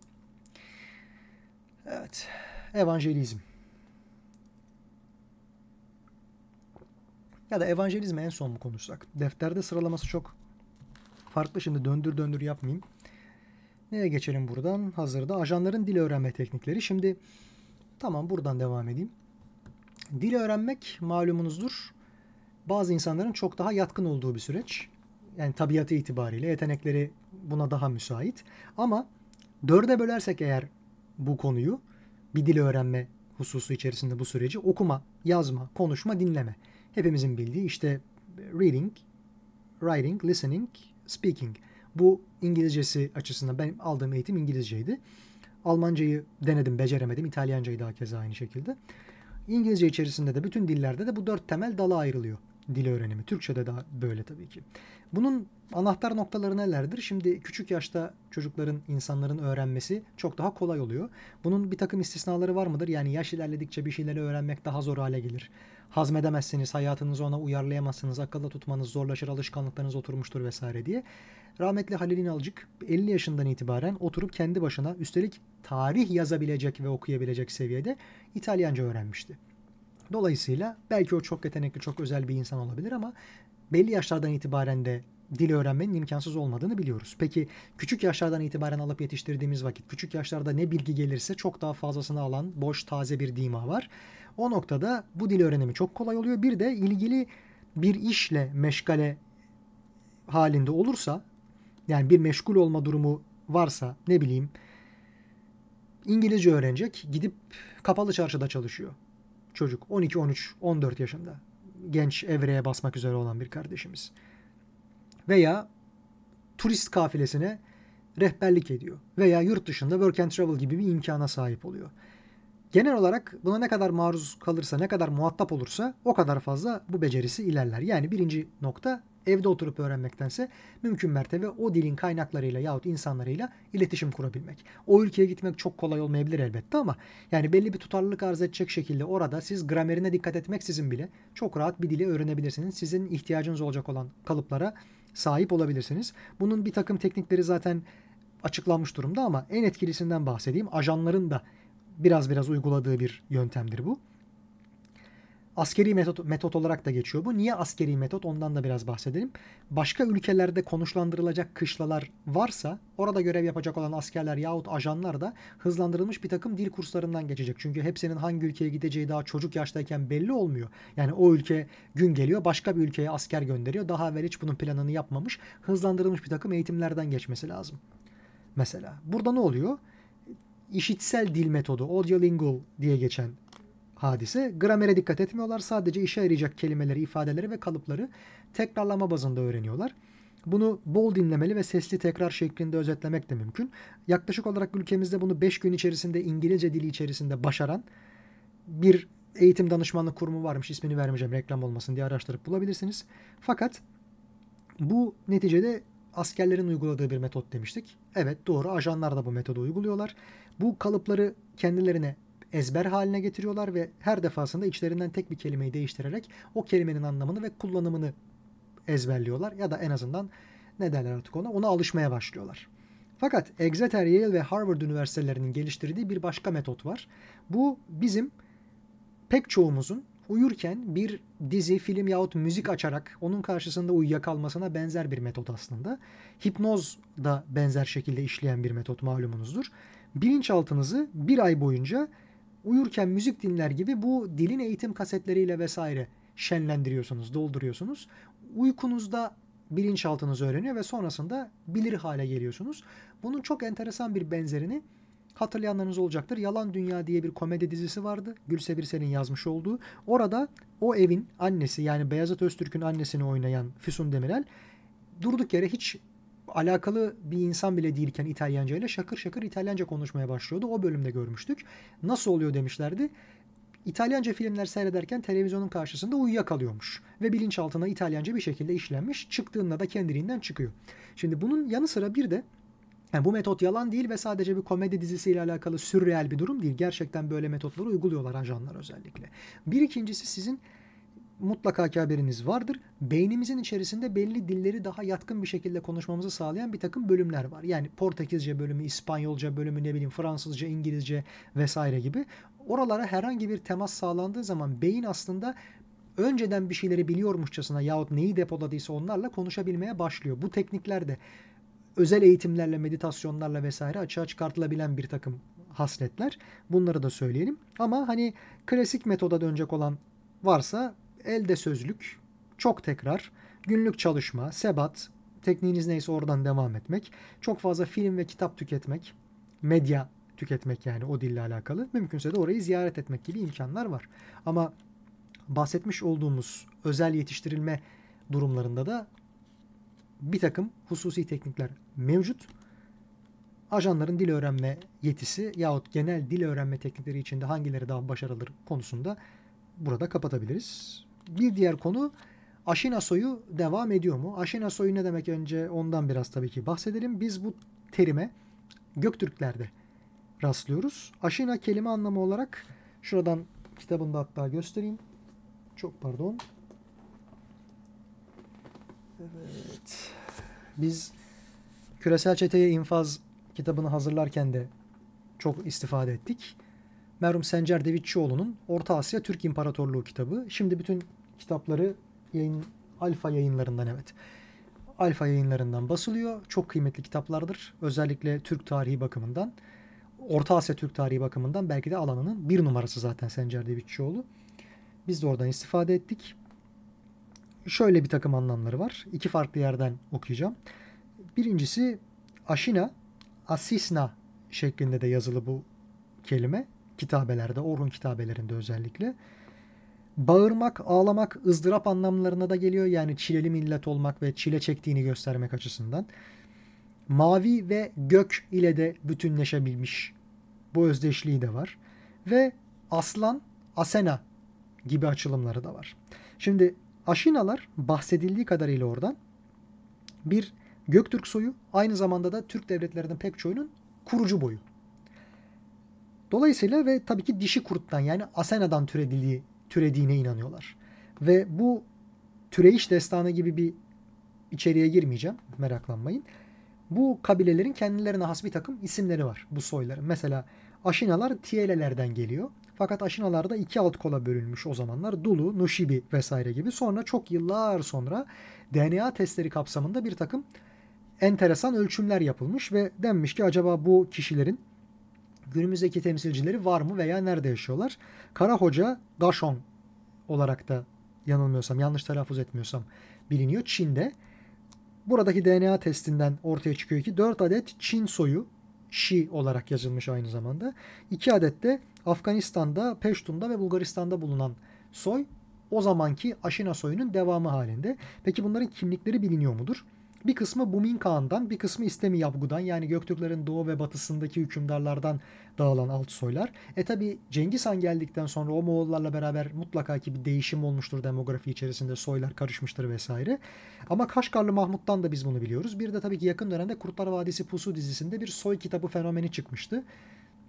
Nedir bu soy kitabı? Seçilmiş çok kadim bir takım ailelerin insanları ama haberleri olarak ama habersizce küçüklük yani küçüklük demek buna doğru mu bilmiyorum ama belki en ufak yaşlarından belki ilk öğretimden sonra ortaokul lise çağlarından itibaren alınıp özel olarak yetiştiriliyor. Ama bilinerek ama bilinmeyerek o insanlar tarafından. Ve sonrasında da bu insanlar bir takım yerlerde görevlendiriliyorlar. Ama bilerek ama bilmeyerek. Sonrasında da onlara erişmek çok zor. Çünkü tek taraflı bir yön vesaire var ve başka başka hücre yapılanması şeklinde bunlar söz konusu deniyor. Bu insanların belirli bir devlet yönetimi söz konusu olacaksa o devlet yönetiminde bulunacak olan insanları tek tek atayan, tayin eden kişiler olduğu, böyle bir konsey, böyle bir kurul olduğu söyleniyordu o dizinin içerisinde. Kaşgarlı Mahmut'ta da bir aşina atşina ayrımı var. Bunu da ben Küresel Çeteye infaz kitabımızdan okuyacağım. Soru şöyleydi. 126. sayfasından okuyorum naklen onu da söyleyeyim. Bu aşinalar atşinalar devletin derin aklı veya bir Türk devlet derin aklı var mıdır kısmında devreye giriyor. Üstadın cevabından okuyorum. Sayın Murat Bağdır Akkoyunlu üstadımızın. Buradan da kendisine selamlar, sevgiler, hürmetler. Şöyle deniyor. Bir Türk devlet derin aklı daha ilk zamanlardan beri mevcuttur. Devletlerimizin yıkılma ve yeniden kurulma süreçlerinde de daima yer almıştır. Fakat sanıldığı gibi her şeye muktedir falan değildir. Kaşgarlı Mahmut'tan naklederek söylersek Bilge Tonyukuk bu aklı bir fiil aşinalar ve atşinalar mefhumuyla izah etmiştir. Bunlardan bir tanesi gök yahut gökyüzü nizamını, yüce nizamı kurmakla görevli olarak Allah tarafından seçilen bireyleri, soyları değil, liyakat sahibi bireyleri yani meleği ala denen deruni yüce üstadları, başka bir tabirle Horasan yolu pirlerini ifade eder. Diğeri de yeryüzü düzenini kurmakla görevli olarak seçilenleri yani aksakallıları diğer bir deyişle devletlerin aklı kadrolarını ifade eder. Onu da söyleyelim. Bu arada bu bahsetmiş olduğumuz kavram Kur'an-ı Kerim'de Nisa suresi 59. ayette de işleniyor. Burada kaynakçı olarak göstermişiz. Devam ediyoruz. Başlangıçta bu devletlerin aklı yani bizim aşinalar dediğimiz taraf kadrolarının kimler tarafından oluşturulduğu bilinmiyor. Devletlerin aklı kadroları kendi aralarına alacakları insanları halktan seçerler. Okurumuz burada bu durumu batıda, batıdaki üstün kan, asil kan, mavi kan, asalet gibi kavramlara dayalı olarak üstün soy yahut birey seçmek kabilinden uygulamalarla karıştırmasınlar lütfen. Türk devletlerin aklı kadroları kendi aralarına kabul edecekleri şahıslarda soy sop mensubiyeti kıstasını değil, akil olma ve liyakat şartını ararlar. Bütün zamanlar boyunca da bu böyle devam eder. Ölenlerin yerini yenileri alır. Diyoruz. Şimdi sonrasındaki açıklamalar daha farklı. Aşina ve atşinalara geri dönecek olursak, atlaya atlaya okuyorum. Ne zaman ki yeryüzü düzeninden sorumlu olanlar, gökyüzü düzeninden sorumlu olanlarla bağlarını koparırsa o vakit devlet çöker.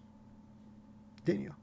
Dolayısıyla bu iki aklın yeryüzü nizamını tesis etmekle mükellef olan Evliyaullah diyebileceğimiz kadrolarla yeryüzü nizamını tesis edecek olan kadroların birbirlerinin arasında bir kopukluk olmaması gerekiyor koordineli çalışmalar gerekiyor. Bunun için de yeryüzü nizamını sağlamakla görevli olan kadroların güç zehirlenmesine kapılmayıp ne oldum delisi olmayıp rehberliklerini yeryüzü nizamında değil gökyüzü nizamında görevli olanlarla bir şekilde koordineli hale gelerek onlardan almaları öngörülüyor. Yani bir takım Horasan muhteviyatı varsa kitap dolayında konuşuyorum elbette. Bir Horasan muhteviyatı içerisinde oradan gerekli rehberliği, kılavuzu vesaire Evliyaullah'tan doğru çözümleyerek, tercüme ederek alarak alıp burada devlet yönetmekte, halkı yönetmekte, gündemi belirlemekte vesaire gibi geleceğe dair yapılar yapmakla, imar ve iskanla mükellef olabilir. Bu vazifeyi güdebilir. Yeryüzü nizamından sorumlu olanlar. Şimdi bu kadrolar eğer ki gökyüzü nizamıyla görevli olanlara sırtını dönerlerse yani Evliyaullah'a o vakit belki çok yanlış icraatlara imza atmazlar fakat rehberleri kaybolacağından dolayı kimlerle benzeşme ihtimallerinin ortaya çıkacağını da varın siz düşünün. Yani bu tarz kaynaklardan rehberliğini almadan dünyaya zulüm getiren pek çok yönetim şekli açıkçası bu Evliyaullah'la irtibatını kesmiş olan yeryüzü nizamını sağlayacak devletlerin hakkında ilham teşkil edebilir. Onlar da onlara benzeşerek bir o kadar zalim ve basiretsiz hale gelebilirler. Sıkıntı zaten burada ortaya çıkıyordu. Peki bu durum bu bahsetmiş olduğumuz soy kitabına oturuyor mu? Hayır. Ama akbudun karabudun olarak baktığımız vakit gene ne yazık ki ne yazık ki dememin sebebi şu. Bir soy muhafazası yahut soya önem vermek durumu söz konusu. Yani karıştırmadan şuradan anlatalım. Eğer ki enkarnasyon usulü doğumdan gelen bir takım sebeplerle boy, boz, en, saç ve göz rengi, doğduğunuz aile, doğduğunuz ülke vesaire gibi bir takım sebeplerle yani tercihe bağlı olmayan bir takım sebeplerle siz bu tarz kadrolar içerisinde yer alacaksanız veya almamanız kesinleşiyorsa o vakit zaten bunun dünyanın geri kalan nizamından çok fazla bir farkı yok. Ha derseniz ki biz evet belki özel seçilmiş aileler bu işi çok iyi biliyor. Yüzyıllardan gelen birikimleri, kültürleri var. Oradakiler yönetici sınıfı teşkil etsinler. Sıfırdan alıp sokaktaki insanı bu tarafa getirip kumar oynamayalım, vakit kaybetmeyelim, riske atmayalım derseniz şöyle bir durum ortaya çıkıyor. Sizin ölçütünüz, rehberiniz ne kadar kaliteli olursa olsun siz bir defa soy kütüğüne önem vererek bir iş yapıyorsunuz. Sınıf değiştirmek pek mümkün olmuyor. Akbudun, Karabudun biraz bu şekilde. Ha Karabudun'dan Akbudun'a geçecek olanlar mümkün mü? Belki mümkün ama kolay bir şey değil. Oysa ki bu eğitimi herkese, dileyen herkese rahatlıkla yayabilme ihtimaliniz olsa, yani o insanlar yüzyıllar boyu gelen yöneticilik tecrübelerini halkla paylaşabilse, isteyenlerle paylaşabilse, yedirebilseniz dolayısıyla havuz da genişler homojen bir hale gelir. Seçeceğiniz insanların havuzu, aday kadro yani.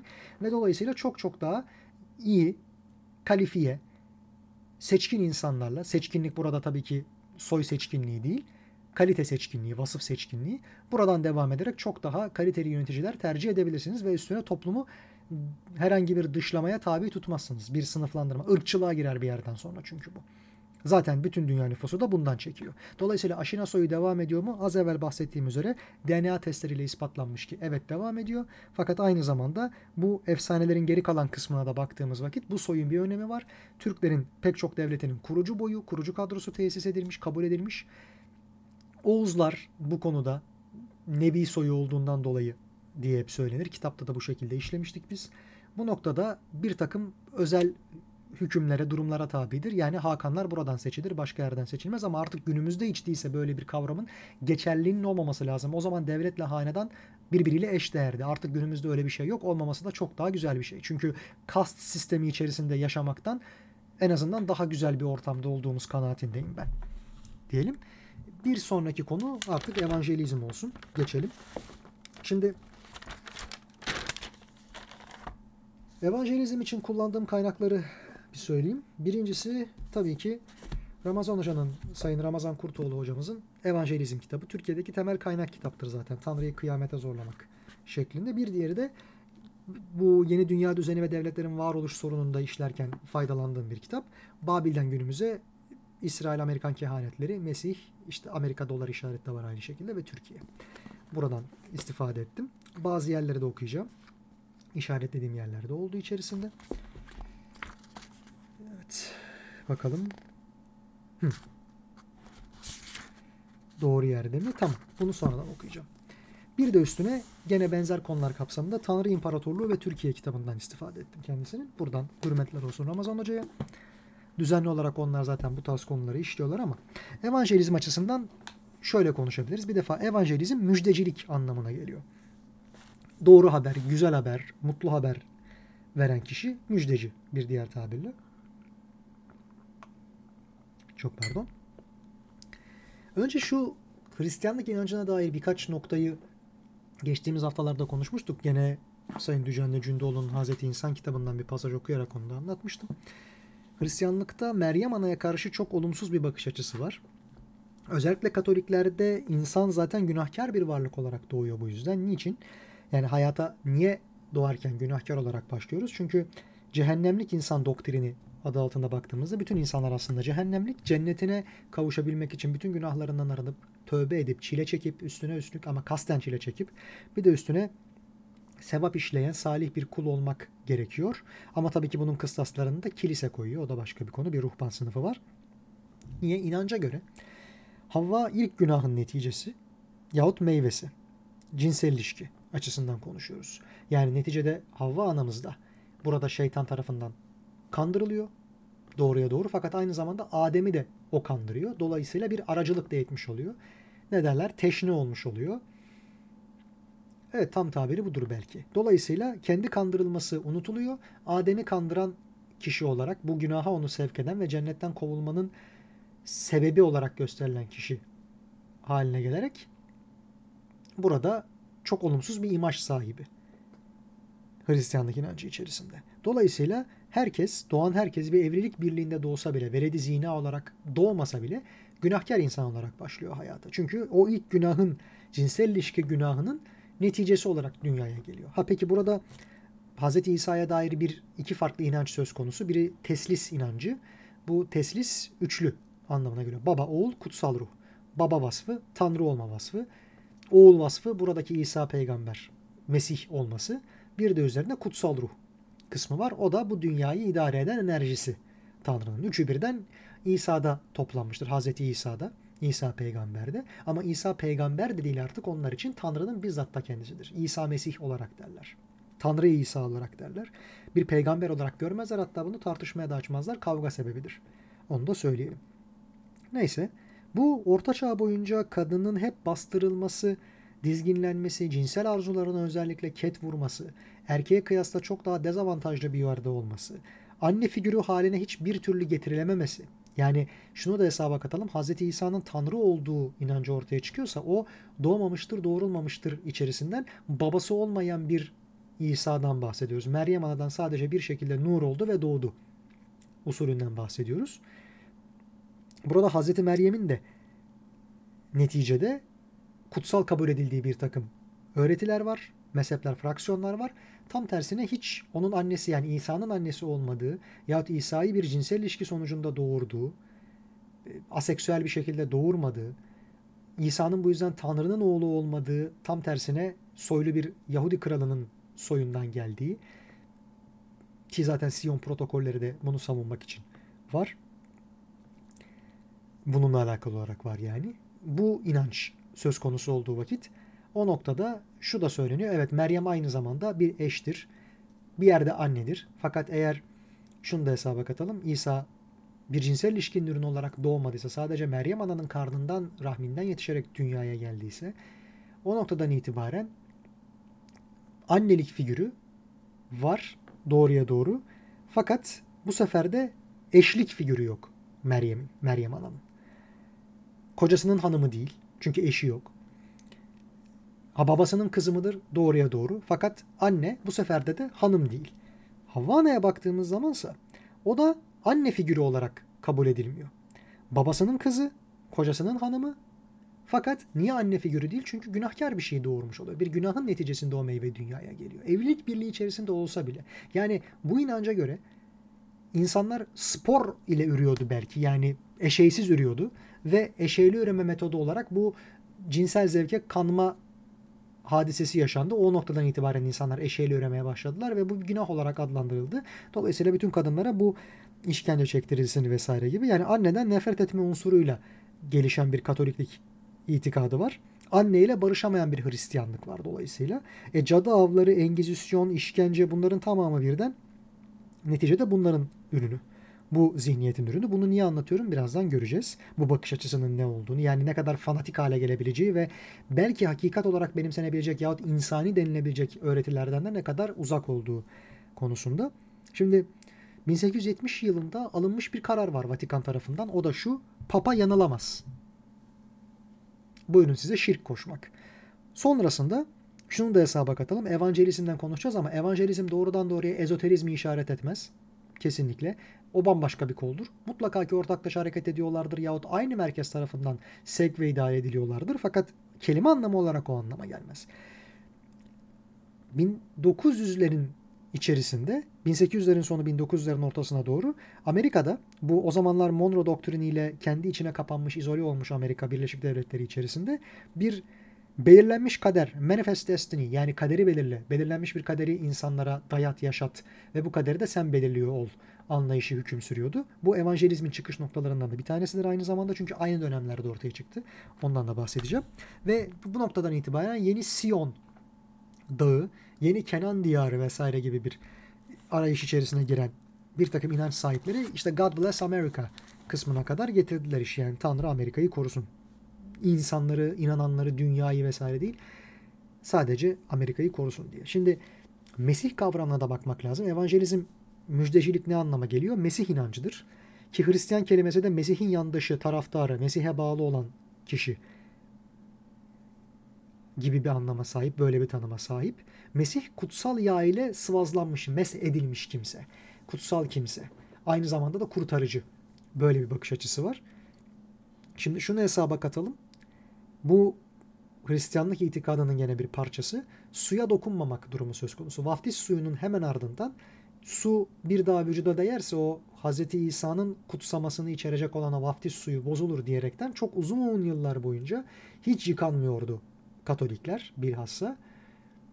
Bu da elbette onların itikadı içerisinde yağ, kutsal yağ ile sıvazlanmış olmakta ayrı bir önem teşkil ediyor. Onu da söyleyelim.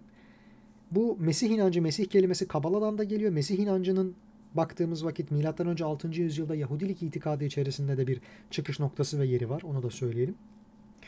Devam edelim. Bu Kabala kökeni de içeren bir sözcük. Orada da bir Mesih inancı var ve bu bozulmaların sebebinin içerisinde zaten Kabala çok büyük bir yer tutuyor. Yecüc ve Mecüc'ü Türkler bu noktada. Çünkü niye? Bu itikat birazdan anlatacağım. İncil, Tevrat, Zebur gibi kaynakların hepsini yani Kitab-ı Mukaddes'in eski ve yeni bölümlerini hep birlikte okuyup değerlendirmeyi, Armagedon, ahir zaman, kıyamet savaşı içerisinde bu perspektiften yorumlamayı öngörüyor ve bu iki kutsal kitabın öğretisinin, inancının, dininin haricinde kalan hiçbir şeyi gerçek kabul etmiyor yani İslam'ı. Öyle söyleyeyim. Bu yüzden de Türkler ve İslam onların Yecüc ve Mecüc'ü konumunda. Yecüc ve Mecüc kavramından geçtiğimiz hafta bahsetmiştik yanılmıyorsam.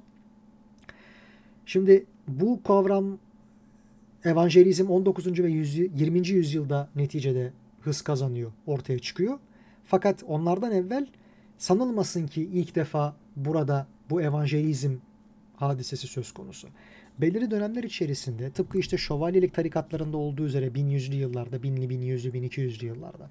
Daha sonrasında Cizvitlerle olduğu üzere, daha sonrasında aynı şekilde Püritenlerle olduğu üzere, Protestanlarla, Kalvinistlerle olduğu üzere Hristiyanlıkta daima bir köklere geri dönme, öze geri dönme, yahut reform yapma. Reform aynı zamanda bu anlamada gelebiliyor tabii ki. İlle, ilerlemecilikten kastımız var olanı bir adım ileriye götür değil. Bazen geçmişe de geri dönerek bu ilerleme sağlanabiliyor. Yani irtica anlamına gelmiyor her zaman geçmişe dönmek. Buradan da Alexander Dugin'e selam olsun. O da aynı şeyi savunuyor çünkü kitabında.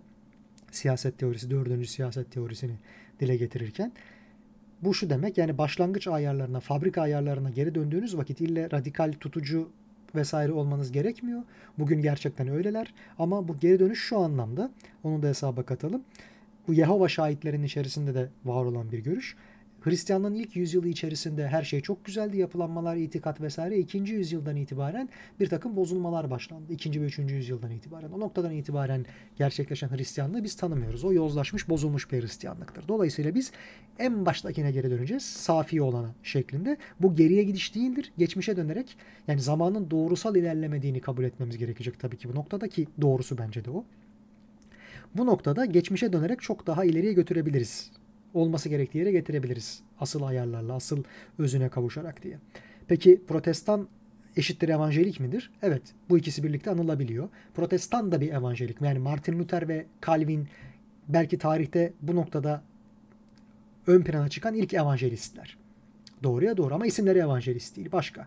Yaptıkları iş belki evangelizm. Peki evangelizm ne? Kutsal kitaba yönlenmek. Yani İncil'e, İncil dediğimizin sadece ilk dört bölümü Matta, Markos, Luka ve Yuhanna İncilleridir. Kanonik İncillerdir. Geri kalanların her bir, bunların hepsi evangeldir bu arada onu da söyleyelim. Üstüne geri kalan İnciller, yeni ahitin tamamı. Bir de üzerine eski ahit yani Tevrat, Zebur, Mezmurlar diyeceğimiz ve içine giren her türlü kutsal sayılan eski belge ki Yahudilerde bütün eski yazılı belgeler kutsal kabul edilir. Onu da hesaba katalım. Kendilerinden eski olan yani çok kadim belgelerden bahsediyoruz. Yemek tarifi bile olsa kutsal kabul edilir yani öyle söyleyelim.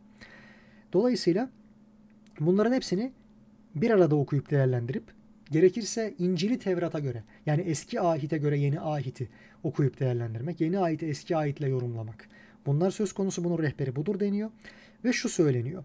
Tanrı'nın evangelik protestan Hristiyanlar için bir planı vardır. Bu plan uhrevi bir plandır. Cennetle alakalıdır ahiretle alakalı bir şeydir. Yahudiler içinse dünyevi bir planı vardır. Nedir bu dünyevi plan?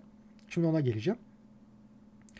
İsa Tanrı olarak resmediliyor demiştik. Hem insan hem Tanrı bu aynı zamanda şirk koşmaktır tabii ki. Yani sizin ilahınız Tanrı değil bir başkası demek gibi. Yahut Tanrı'nın yeryüzündeki vücut bulmuş hali olarak da söyleniyor. Bu Mesih'ten ötesi zaten baktığımız vakit.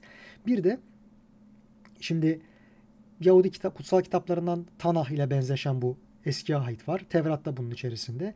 Burada genelde İsa'ya, Meryem'e vesaire atıf yapılmaz. Çünkü o zaman zaten daha doğmamış olan bir kişiden, kişilerden bahsediyoruz. Ha, geleceğe yönelik tahminler var mıdır? Barnabas İncil'inde Hz. Muhammed'in gelişiyle alakalı bir takım müjdelemeler söz konusu olduğu söylenir. Doğruya doğru. Burada da mümkün mertebe Tanrı'nın Musa ile, Hz. Musa ile Sina Dağı'nda yapmış olduğu anlaşma ile alakalı bir takım bildirimler vardır. Eski ait kapsamında ama yenilenen versiyonu diyelim veya sonradan eklenen bir takım olaylar, bölümlerle diyelim İsa ve Meryem'e de atıf yapıldığı yerler oluyor eski ayetin. Yeni ayette ise İsa ile Tanrı yeni bir anlaşma yaptı. Yani Hz. Musa ile yapmış olduğu anlaşmanın üzerine yeni bir anlaşma daha yaptı. Bu şekilde bir kısım var deniliyor. Şimdi bu ikisini de birlikte yorumladığınız vakit ne ortaya çıkacak? Yahudiler için vaat edilmiş topraklara yani arz-ı mevuda yani Kudüs ve civarı Golan tepeleri, Kenan diyarı buraya dönüp Büyük İsrail'i ve dünya egemenliğini kurmak. Sonrasında da bu gerçekleşebilirse eğer bu planın gerçekleşmesine yardımcı olan evangelist protestan Hristiyanlar ahiretlerini yani cennet kurtuluşunu garanti altına alacaklar. Yani bir kıyamet savaşı ortaya çıkacak. Sözüm ona Deccal'a karşı inananlar, evangelistler kıyamet savaşı içine girecekler Orta Doğu coğrafyası içerisinde. Bu normalde Deccal'a karşı olacak fakat kimin Deccal'la özdeşleştirildiği, kimin onun uşağı yahut yardakçısı yahut onun soyu kabul edildiği işte az evvel bahsettiğim Yecüc ve Mecüc'ü bu işin Türklerdir ve İslam'dır dizesinde belki gizli bu cümlede yatıyor. E bu noktadan itibaren gerek birbirleri arasında gerek inanmayanlar kafirler olarak gördükleri kimselerle kendileri arasında geçecek olan bir savaş var. Bu savaş ahir zaman savaşı, kıyamet, dünyanın kıyamet senaryosu. Ne olacak peki burada? Şu olacak. Bu kıyamet savaşı İsa Mesih'in dünyaya gelmesini sağlayacak. Yahudilerin Kenan diyarında toplanmaları lazım. İsrail'in bizatihi kurulmuş olmasının sebebi olarak da o dönemde bu gösteriliyor. Peki niye bunlar buna bu kadar zorlanıyor? Yani Theresa May niye Balfour Deklarasyonu'nun 100. yılında 2017 olması lazım? İsrail'in kurulmasındaki rolümüzden gurur duyuyorum diyor İngiltere'nin başbakanı. Şundan dolayı Tanrı'yı kıyamete zorlamak gibi bir durum söz konusu onların sıfatında. Yani diyorlar ki biz bu itikadında pardon bu itikat gereği şunu söylüyoruz kardeşim. Bir an evvel cennete gitmek istiyoruz. Artık Hristiyanlık diye bir şey komple yok. Protestanlığı ele geçirdik biz bununla. Yahudiler olarak söyle. Yahudi itikadı. Yani evangelizm eski ahit artı yeni ahittir. Kitab-ı Mukaddes bunların tamamıdır ve İncilleri yani yeni ahiti eski ahite göre okuyup yorumlandıracak. Yani hepsinin dayanağı, temeli eski ahit olacak deniyor. Bu böyle olduktan kelli şu noktaya geliyoruz. Artık biz komple evangelik itikada göre İsa Mesih'i yeryüzüne inmeye çağıracağız ve hatta bunu zorlayacağız. Nasıl yapacağız? Bu itikada göre bir kıyamet savaşı dönecek.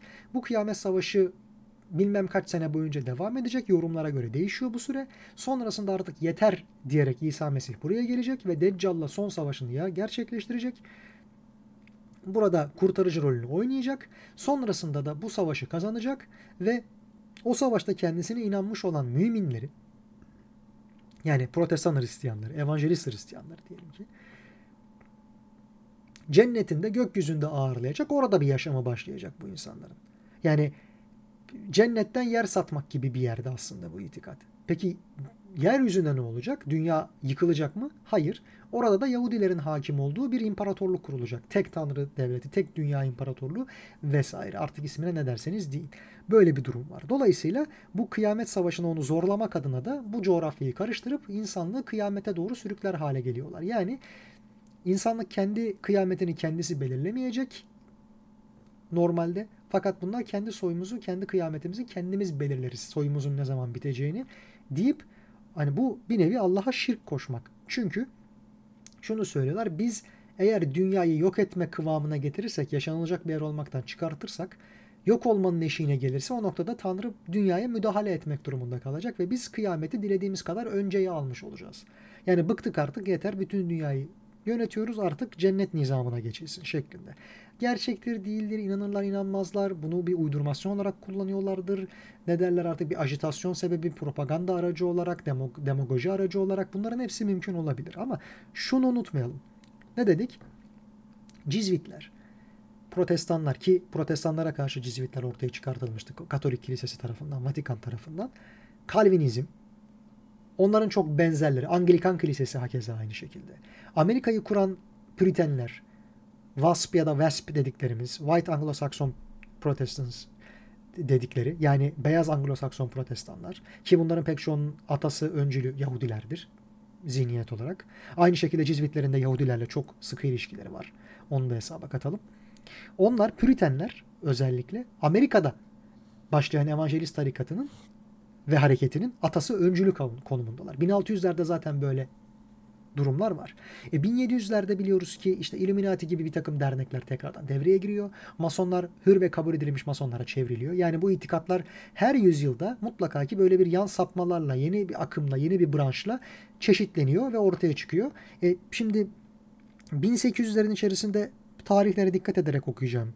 1843'te Amerika'da Binay Brit yani Güneşin Çocukları şeklinde bir Yahudi entelijansiyası demeyeyim ama hizmet kurumu, hizmet teşkilatı ortaya çıkıyor. Bakınız tarih daha 1843. E sonrasında 1844'te Bahayilik var. Bahayilik dünya tek ülke, herkes bu tek ülkenin vatandaşı olarak kabul ediyor. Fakat Kur'an'da, Kur'an-ı Kerim'de ne deniyor? Biz sizi kavimler halinde yarattık. Siz tek dünya vatandaşı olmaktan kelli. Bundan ziyade daha doğrusu birbirinizle rekabet içerisinde bu dünyayı imar ve iskan edeceksiniz. Gelişeceksiniz, geliştireceksiniz. Vazife bu. Ha savaşmak da belki bunun bir parçası. Hak uğruna cenk etmek hakeza bunun bir parçası. Fakat siz tek dünya devletinin vatandaşısınız ve tek bütün dinler tek bir din demek değil. Aslında zaten bütün dinler diye bir şey yok baktığımızda. Hele ki orasani itikatla bakıldığı sürece. Kitapta da biz bu konuyu işledik. Yani ne demek? Her şeyden evvel tek din var. İslam, İslam'ın içerisinde bir Hanif inanç var. Bunun belli bir takım koşulları var. Töre sahibi olmak var. Türklük yani töre, tanrı buyruğu olarak konuşuyoruz. Bunların içerisindeki sapmaları, kıymıkları vesaire ayıklamak adına da bu özü hiç unutmamak lazım. Diğerleri tamamen kurgulanmış inanç sistemleridirler, kurumsallaştırılmış sistemlerdir. Fakat tek din İslam, hak din İslam ve onun da bu hali, hanif hali, öz hali. Şimdi buradaysa Bahayilikten baktığımız vakit Babilik de aynı şekilde burada söz konusu. Onun bir devamı olarak zaten ortaya çıkıyor Bahayilik. Bütün dinler evet dindir. Ve hepsi aslında birleşecekler. Dinler arası diyalog gibi bir kavramın da başlangıcı. 1800'lerde bunlar var. Sonrasında gene 1879'da Yahova şahitliği var. Gene 1800'lerin sonuna doğru bahsetmiştik evangelizm ortaya çıkıyor. Yani o dönemin akımları da bunlar temelde. E, evet C.T. Russell Yahova şahitlerini ortaya çıkartıyor. Zion's Watchtower diye, gözcü kulesi diye, gözlem kulesi diye. 1884'te resmi bir hal alıyor Yahova şahitliği. Onlar az evvel bahsetmiştim. Birinci yüzyıldaki Hristiyanlık doğrudur, güzeldir, onun teşkilatlanmasını vesaire benimseyebiliriz. Bu cemaatine göre yapılanacağız biz o dönemin. ikinci yüzyıldan itibaren bu kopuş oldu. Bunu geri çıkaracağız. Ve şunu da unutmayalım. Teslis inancı demiştik. Hani Katoliklik, Ortodoksluk, Protestanlık bunlar bir tarafa teslisi benimsemeyen yani İsa'nın baba, oğul ve kutsal ruh olduğunu değil başka bir vasfa sahip olduğunu. Kimisi Mesih diyebilir, kimisi sadece Nebi soyu peygamber diyebilir. Bunu kabul eden yahut komple sadece teslis inancını baba oğul kutsal ruhu reddeden bir takım akımlar var. Yahova şahitleri bunlardan bir tanesi. Mormonlar, Aryusçular ve Uniteryenler de diğerleri. Bahayilik aynı zamanda çok pardon şunu da hesaba katalım. Evrensel olmak yerel olmaya engel değildir gibi bir anlayışa da sahip. Yani dünyanın tamamını veya geri kalan ülkelerini sevmek kendi ülkenizi sevmeye engel değildir diye. Bu çok istismar edilmesi mümkün bir kavram. Doğruya doğru evrensel olmadan yerel olamazsınız ama dediğim gibi istismar etmeye çok müsait. Çünkü herkesi sevemezsiniz ve herkes belki aynı şekilde sevilmeye layık değildir. Tercihleri sebebiyle zaten siz arada bir fark gözetirsiniz. Doğruya doğru bunu hak eden başkadır, şey başkadır. Peki bu kurtarıcı itikadı Ha çok pardon. Şeyden devam edelim. O dönemin akımları içerisinde ne var demiştik? 18. yüzyılın bitimi, 19. 20. yüzyıl yani 1800'ler ve 1900'ler içerisinde. Evangelizm ortaya çıkıyor. Yahova şahitleri, Bahailik, Beni Brit, sonrasında Siyonizm 1897'de Theodor Herzl'in girişimleriyle ya Herzl artık nasıl okunuyorsa ve bu bir Siyonizmin Bazel'deki 1897 konferans onlara resmi hale getirdiyse 1997'de de rahmetli Necmettin Erbakan Hoca aynı şekilde biz bunun kontra konferansını yapıyoruz diye bir konferans yapmıştı. Buradan da kendisine tebrikler, teşekkürler. Çok güzel bir hamleydi. Onu da söyleyelim. Bu akımların devamında Amerika'da özellikle pek çok kurum kuruluş, içişleri, dışişleri ve başkanlık sistemleri bu itikadın içerisinde yer aldı. İstemese bile. Çünkü buna göre yönlendirildi bir takım kurum ve kuruluşlar. Elbette ki özellikle 2. Dünya Savaşı'ndan sonra kurulan pek çok örgüt UNESCO'sundan tutun da işte SWIFT'ine kadar, BIS'ine kadar Sonrasında Dünya Bankası'na, IMF'e kadar, merkez bankalarına kadar, Bilderberg'e vesaire, Trilateral Komisyon'a kadar hemen hemen hepsi ne varsa hakkınıza gelen elbette ki bunlar bir şekilde farklı hücre yapılanmaları olsa bile birbirleriyle etkileşim içerisinde çalıştılar. Roma Kulübü gibi vesaire vesaire. Bunların birbirinden tamamen bağımsız yahut habersiz olduğunu dile getirmek mümkün değil. En azından bana göre makul değil. Ama bazı isimler var ki bunu devlet politikası haline getirdi. Amerika'da Başkan Carter döneminde bu başladı. Sonrasında en koyu belki evangelist Ronald Reagan'dı. Reagan döneminde özellikle neredeyse tamamen bu evangelizm prensiplerine biat edildi. Neokonlar, yeni konservatifler daha keza aynı şeyleri üst üste sıraladılar ve böyle enteresan bir durum başladı. Sonrasında da işte oğul Bush'un, oğul George Bush'un döneminde bu durum Desert Eagle operasyonuyla, çöl Kartalı operasyonuyla pardon çöl fırtınası mıydı? Desert Storm muydu? Desert Eagle mıydı? Desert Eagle olması lazım. Çöl Kartalı operasyonuyla da Orta Doğu'da artık fiilen bu evangelist hareket yani Tanrı'yı kıyamete zorlamanın safhaları başlamış oldu deniliyor bu durumda. Peki bu kurtarıcı kültü her zaman bu kapsamda ele alınmıştı? Hayır. Malumunuzdur bir Babil sürgünü vardır Yahudilerin. Nabukadnezar Babil kralı olarak gelip bu Kenan ülkesini Yahudi devletini yıkıp ondan 53 süre 53 yıl kadar sürecek olan bir sürgün kapsamında Yahudilerin pek çoğunu kendi ülkesine köle olup köle olarak geri getirmişti. Bunu cümleyi tekrar kurayım. Düzgün bir anlatım olsun. Ne zaman da tam şeyini hatırlamıyorum. Milattan evvel 800 yıllarda olması lazım. Kitapta da bu konuyu işlemiştik. O dönemde Babil kralı Nabukadnezar gelip Yahudi ülkesini yıkıyor. Süleyman mabedini yerle bir ediyor. Sonrasında oradan belli başlı Yahudileri köle yapıp kendi ülkesine götürüyor. Esir ediyor. Fakat Pers kralı 2. Kureş gelip Nabukadnezar'ı mağlup ediyor 53 yıl sonra ve bu köle olmuş Yahudileri azat ediyor. Kendi ülkelerine geri dönmelerini sağlıyor. Bunların bir kısmı geri dönmüyor, bir kısmı geri dönüyor, reddediliyor, başka yerlere gidiyor, bir kısmı da geri dönüp orada yaşıyorlar. Bu noktadan itibaren de bu Pers kralı kimilerine göre Kiros, kimilerine göre Kureyş, Bu Babil sürgününü bitirdikten sonra Yaşaya kitabında da bu durum var. Kurtarıcı unvanıyla anılıyor. Yani Mesih bir kurtarıcı inancı içerisinde. O zamanki Mesih yakıştırması ona yapılmış. Sonrasında Niye Orta Doğu diyoruz? Çünkü bu savaşta aynı şekilde o dönemki Nabukadnezar'ın yapmış oldukları da bu konuda önem arz ediyor. Çünkü Süleyman Tapınağı'nın yeniden inşa edilmesi, Mescid-i Aksa'nın yıkılması, o tapınağın oraya tekrar yapılması. Evet bakın Kenani diyarda gene bütün Yahudiler toplaştı. Artık biz buranın hakimi izlemenin bir başka yolu yani Tanrı'yı kıyamete zorlama girişiminin bir diğer safhası. Kurtarıcı inancı, Mesih inancı işte milattan önce 6. yüzyıldan itibaren bu ikinci Kureyş'le beraber var. Sonrasında bir de şunu düşünelim. İslam'da bu Mehdi inancı var mı? Kimilerine göre doğrudan doğruya Mehdi diye bir şeyden bahsedilmesi mümkün değil. Kimisi diyor ki peygamber soyu. Yani aynı zamanda bir nebi olacak. Peygamber olacak. Fakat baktığımız zaman peygamberlik kapısı Hz. Muhammed Mustafa sallallahu aleyhi ve sellemle kapatılmış durumda. Hani Resuller devam eder, Evliyaullah fakat Nebi bir daha gelmeyecek. Bu dolayısıyla farklı yorumların nelere kadir olduğunu buradan görebiliyoruz. Ve şunu söylüyor İslam itikadı her şeyden evvel. Evet bir kurtarıcı belli zamanlarda bundan bahsedilir ama kim olduğundan bahsedilmez. İsa Mesih vesaire gibi bir durum söz konusu değildir. Ve savaşa yahut kasıtlı yıkama bir teşvik yoktur bu kıyamet gelsin de Mesih bir an evvel yeryüzüne insin diye. Daha ziyade doğal sürecin eseri olan bozulma yahut yozlaşma o kadar fazla artacaksa bu kurtarıcı gelecektir ki peygamberler de zamanında zaten bunun için gelmiştir her şeyden evvel. Bu ahlaki bozulmaları vesaire falan kaldıracak şeklinde. Peki biz bunu sinemamızda görüyor muyuz? Görüyoruz. Bundan bahsedeceğim. Sonrasında da 20. yüzyıl ve 21. yüzyıldaki yansımalarından bahsedeceğim. Şurada görüyoruz. Bakınız bu şekilde yorumladığınız vakit Harry Potter evreninde Harry Potter karakterinin kendisi de aslında bir mesihtir, bir kurtarıcıdır. Sağ kalmayı başaran çocuk kötülüğün en başat halinden kimsenin karşı duramadığı büyük bir kötülükten bütün büyücü diyarını hatta muggle'ları bile o alemi bile kurtaran kişi. Yahut gene Mesih kapsamı adı altında Neo'nun yani Matrix evrenindeki kurtarıcının işlendiğini biliyoruz. Gene 2000 kıyamet dönemi içerisi bu inanç hız kazandı. Şimdi Dune serisi tekrardan sinemaya uyarlanıyor. Orada da Dune Mesih'i diye Tuğla gibi bir kitap var. Doğruya doğru bilenler bilir o evreni. Muhtemelen de zaten bu Mesih kitabı işlensin diye yani o ikinci kitap ve ikinci film için bence koskocaman bir seri tekrardan filme çekiliyor. Buradan yorumlarsak. Hollywood sineması da elbette ki buna çok teşne. Zaten bunun etrafında şekilleniyor pek çok. Yani pek çok şeyin propagandası etrafında zaten kurulmuş durumda ama bu da elbette ki bunun bir parçası. Onu da söyleyelim. Peki 20. yüzyılda neler ortaya çıktı?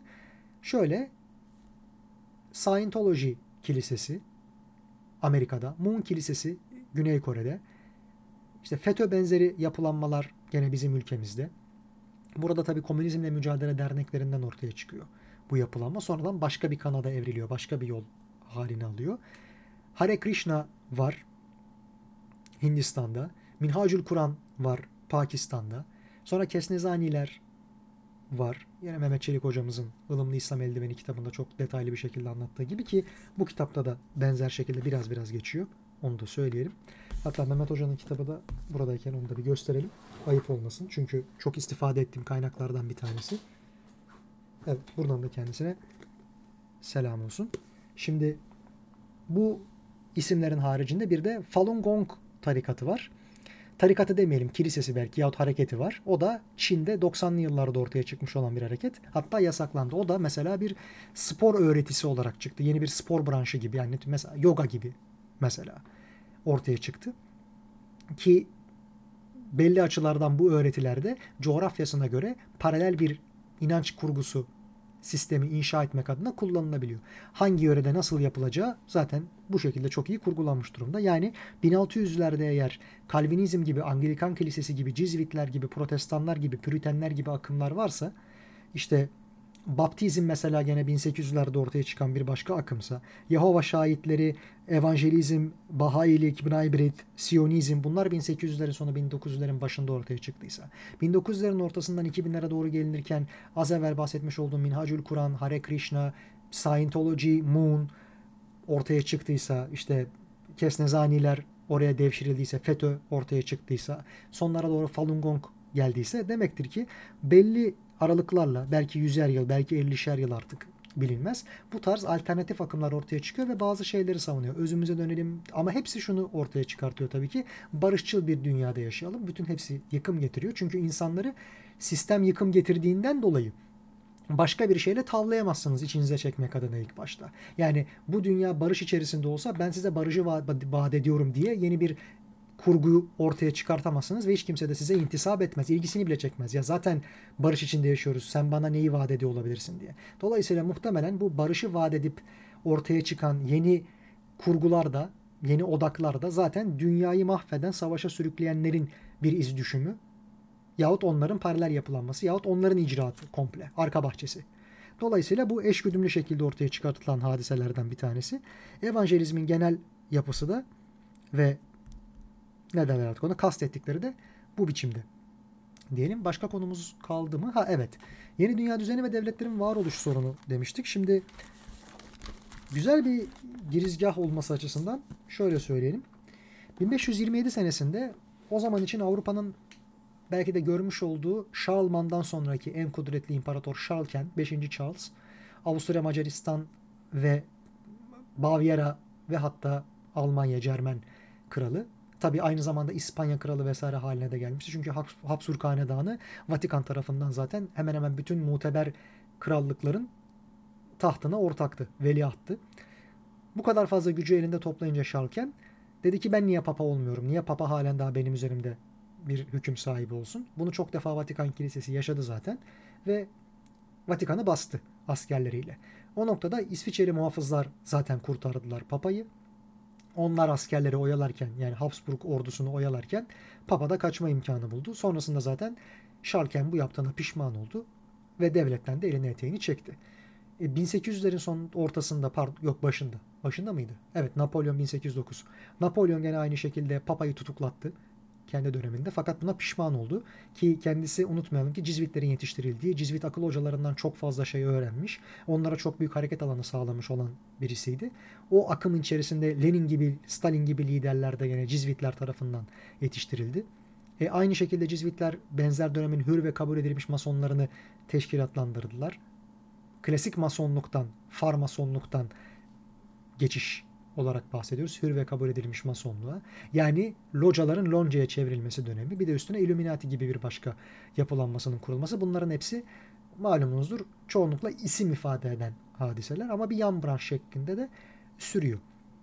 Gene aynı dönemde Sanhedrin'in büyük meclisinin yani kurulması, toplanması gibi bir organizasyona Napolyon imza atmıştı. Yani Büyük Yahudi Meclisi'ni tekrardan uzun yıllar aradan sonra burada gerçekleştireceğiz dedi. Fakat bu desteğe rağmen Waterloo'da kaybetti temelde. Ruslara karşı aynı şekilde kaybetti ve Papa'yı tutuklamak ona bir noktadan itibaren pahalıya mal oldu diyebiliriz. Dolayısıyla bu niye dünya düzeni ve devletlerin varoluş sorunu kısmına bir girizgah? Şundan dolayı dinlerin merkezlerini hapsederek, yok etmeye çalışarak vesaire falan bir yere varamıyorsunuz. Çünkü insanların içine o kadar işlemiş ki bütün millet bilincinden, milliyet bilincinden, vatan bilincinden bile belki öte bunun için yaşıyorsunuz ve algılarınız bunun etrafında şekillendiriliyor. Hele ki o dönemde. Din dışı düşünce diye bir şey pek söz konusu değil o dönemlerde. Yani aydınlanma dediğimiz çağa başlayana kadar 17. yüzyılın bitiminden itibaren ki olan süreçten bahsediyoruz. O noktaydık din dışı düşünmek, din dışı hareket etmek vesaire falan zaten böyle bir şey onların ufuklarında yok o insanların.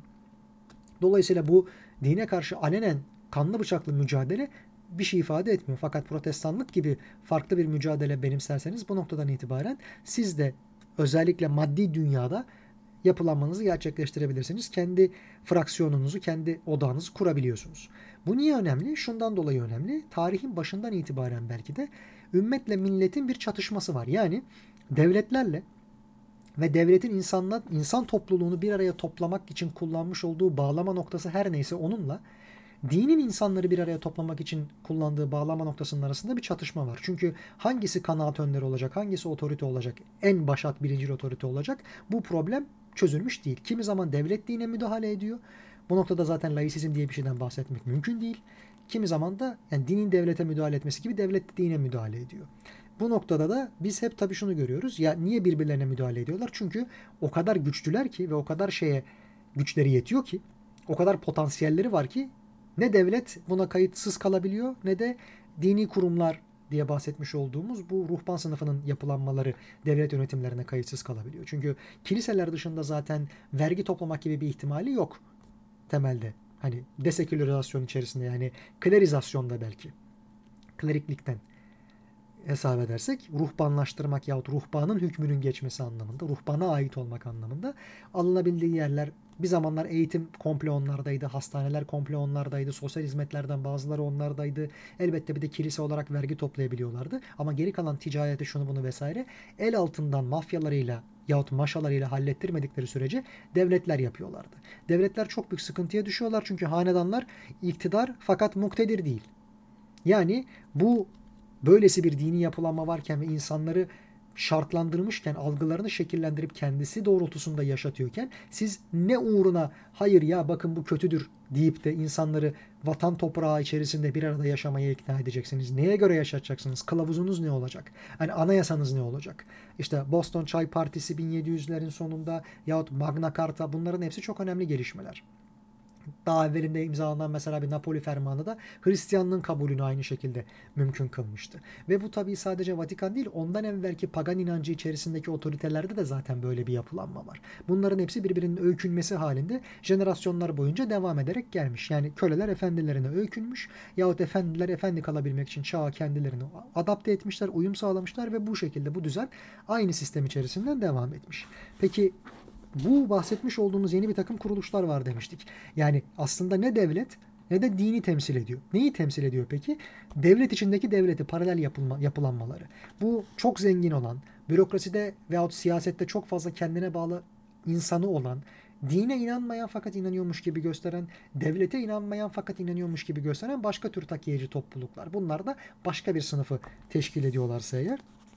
O noktada bu insanlara dair bakınız konuşan kim? Onu da tekrardan söyleyeyim. Benjamin Disraeli. İsrail asıllı daha doğrusu oraya intisap etmiş pardon Yahudi asıllı İngiltere Başkanı, Başbakanı. 1856 senesinde Avam Kamerası'nda şunları söylüyor.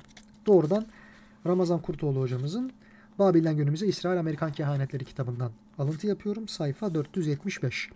Şunu söylüyor. Bu mecliste varlığından nadiren bahsedilen bir güç odağı İtalya'da mevcuttur. Güç odağı demekle gizli cemiyetleri kastediyorum. Daha fazla inkar etmenin bir yararı yoktur çünkü gizlenmesi mümkün değildir. Avrupa'nın büyük bir bölümü, İtalya ve Fransa'nın tamamı ve Almanya'nın neredeyse bütünü.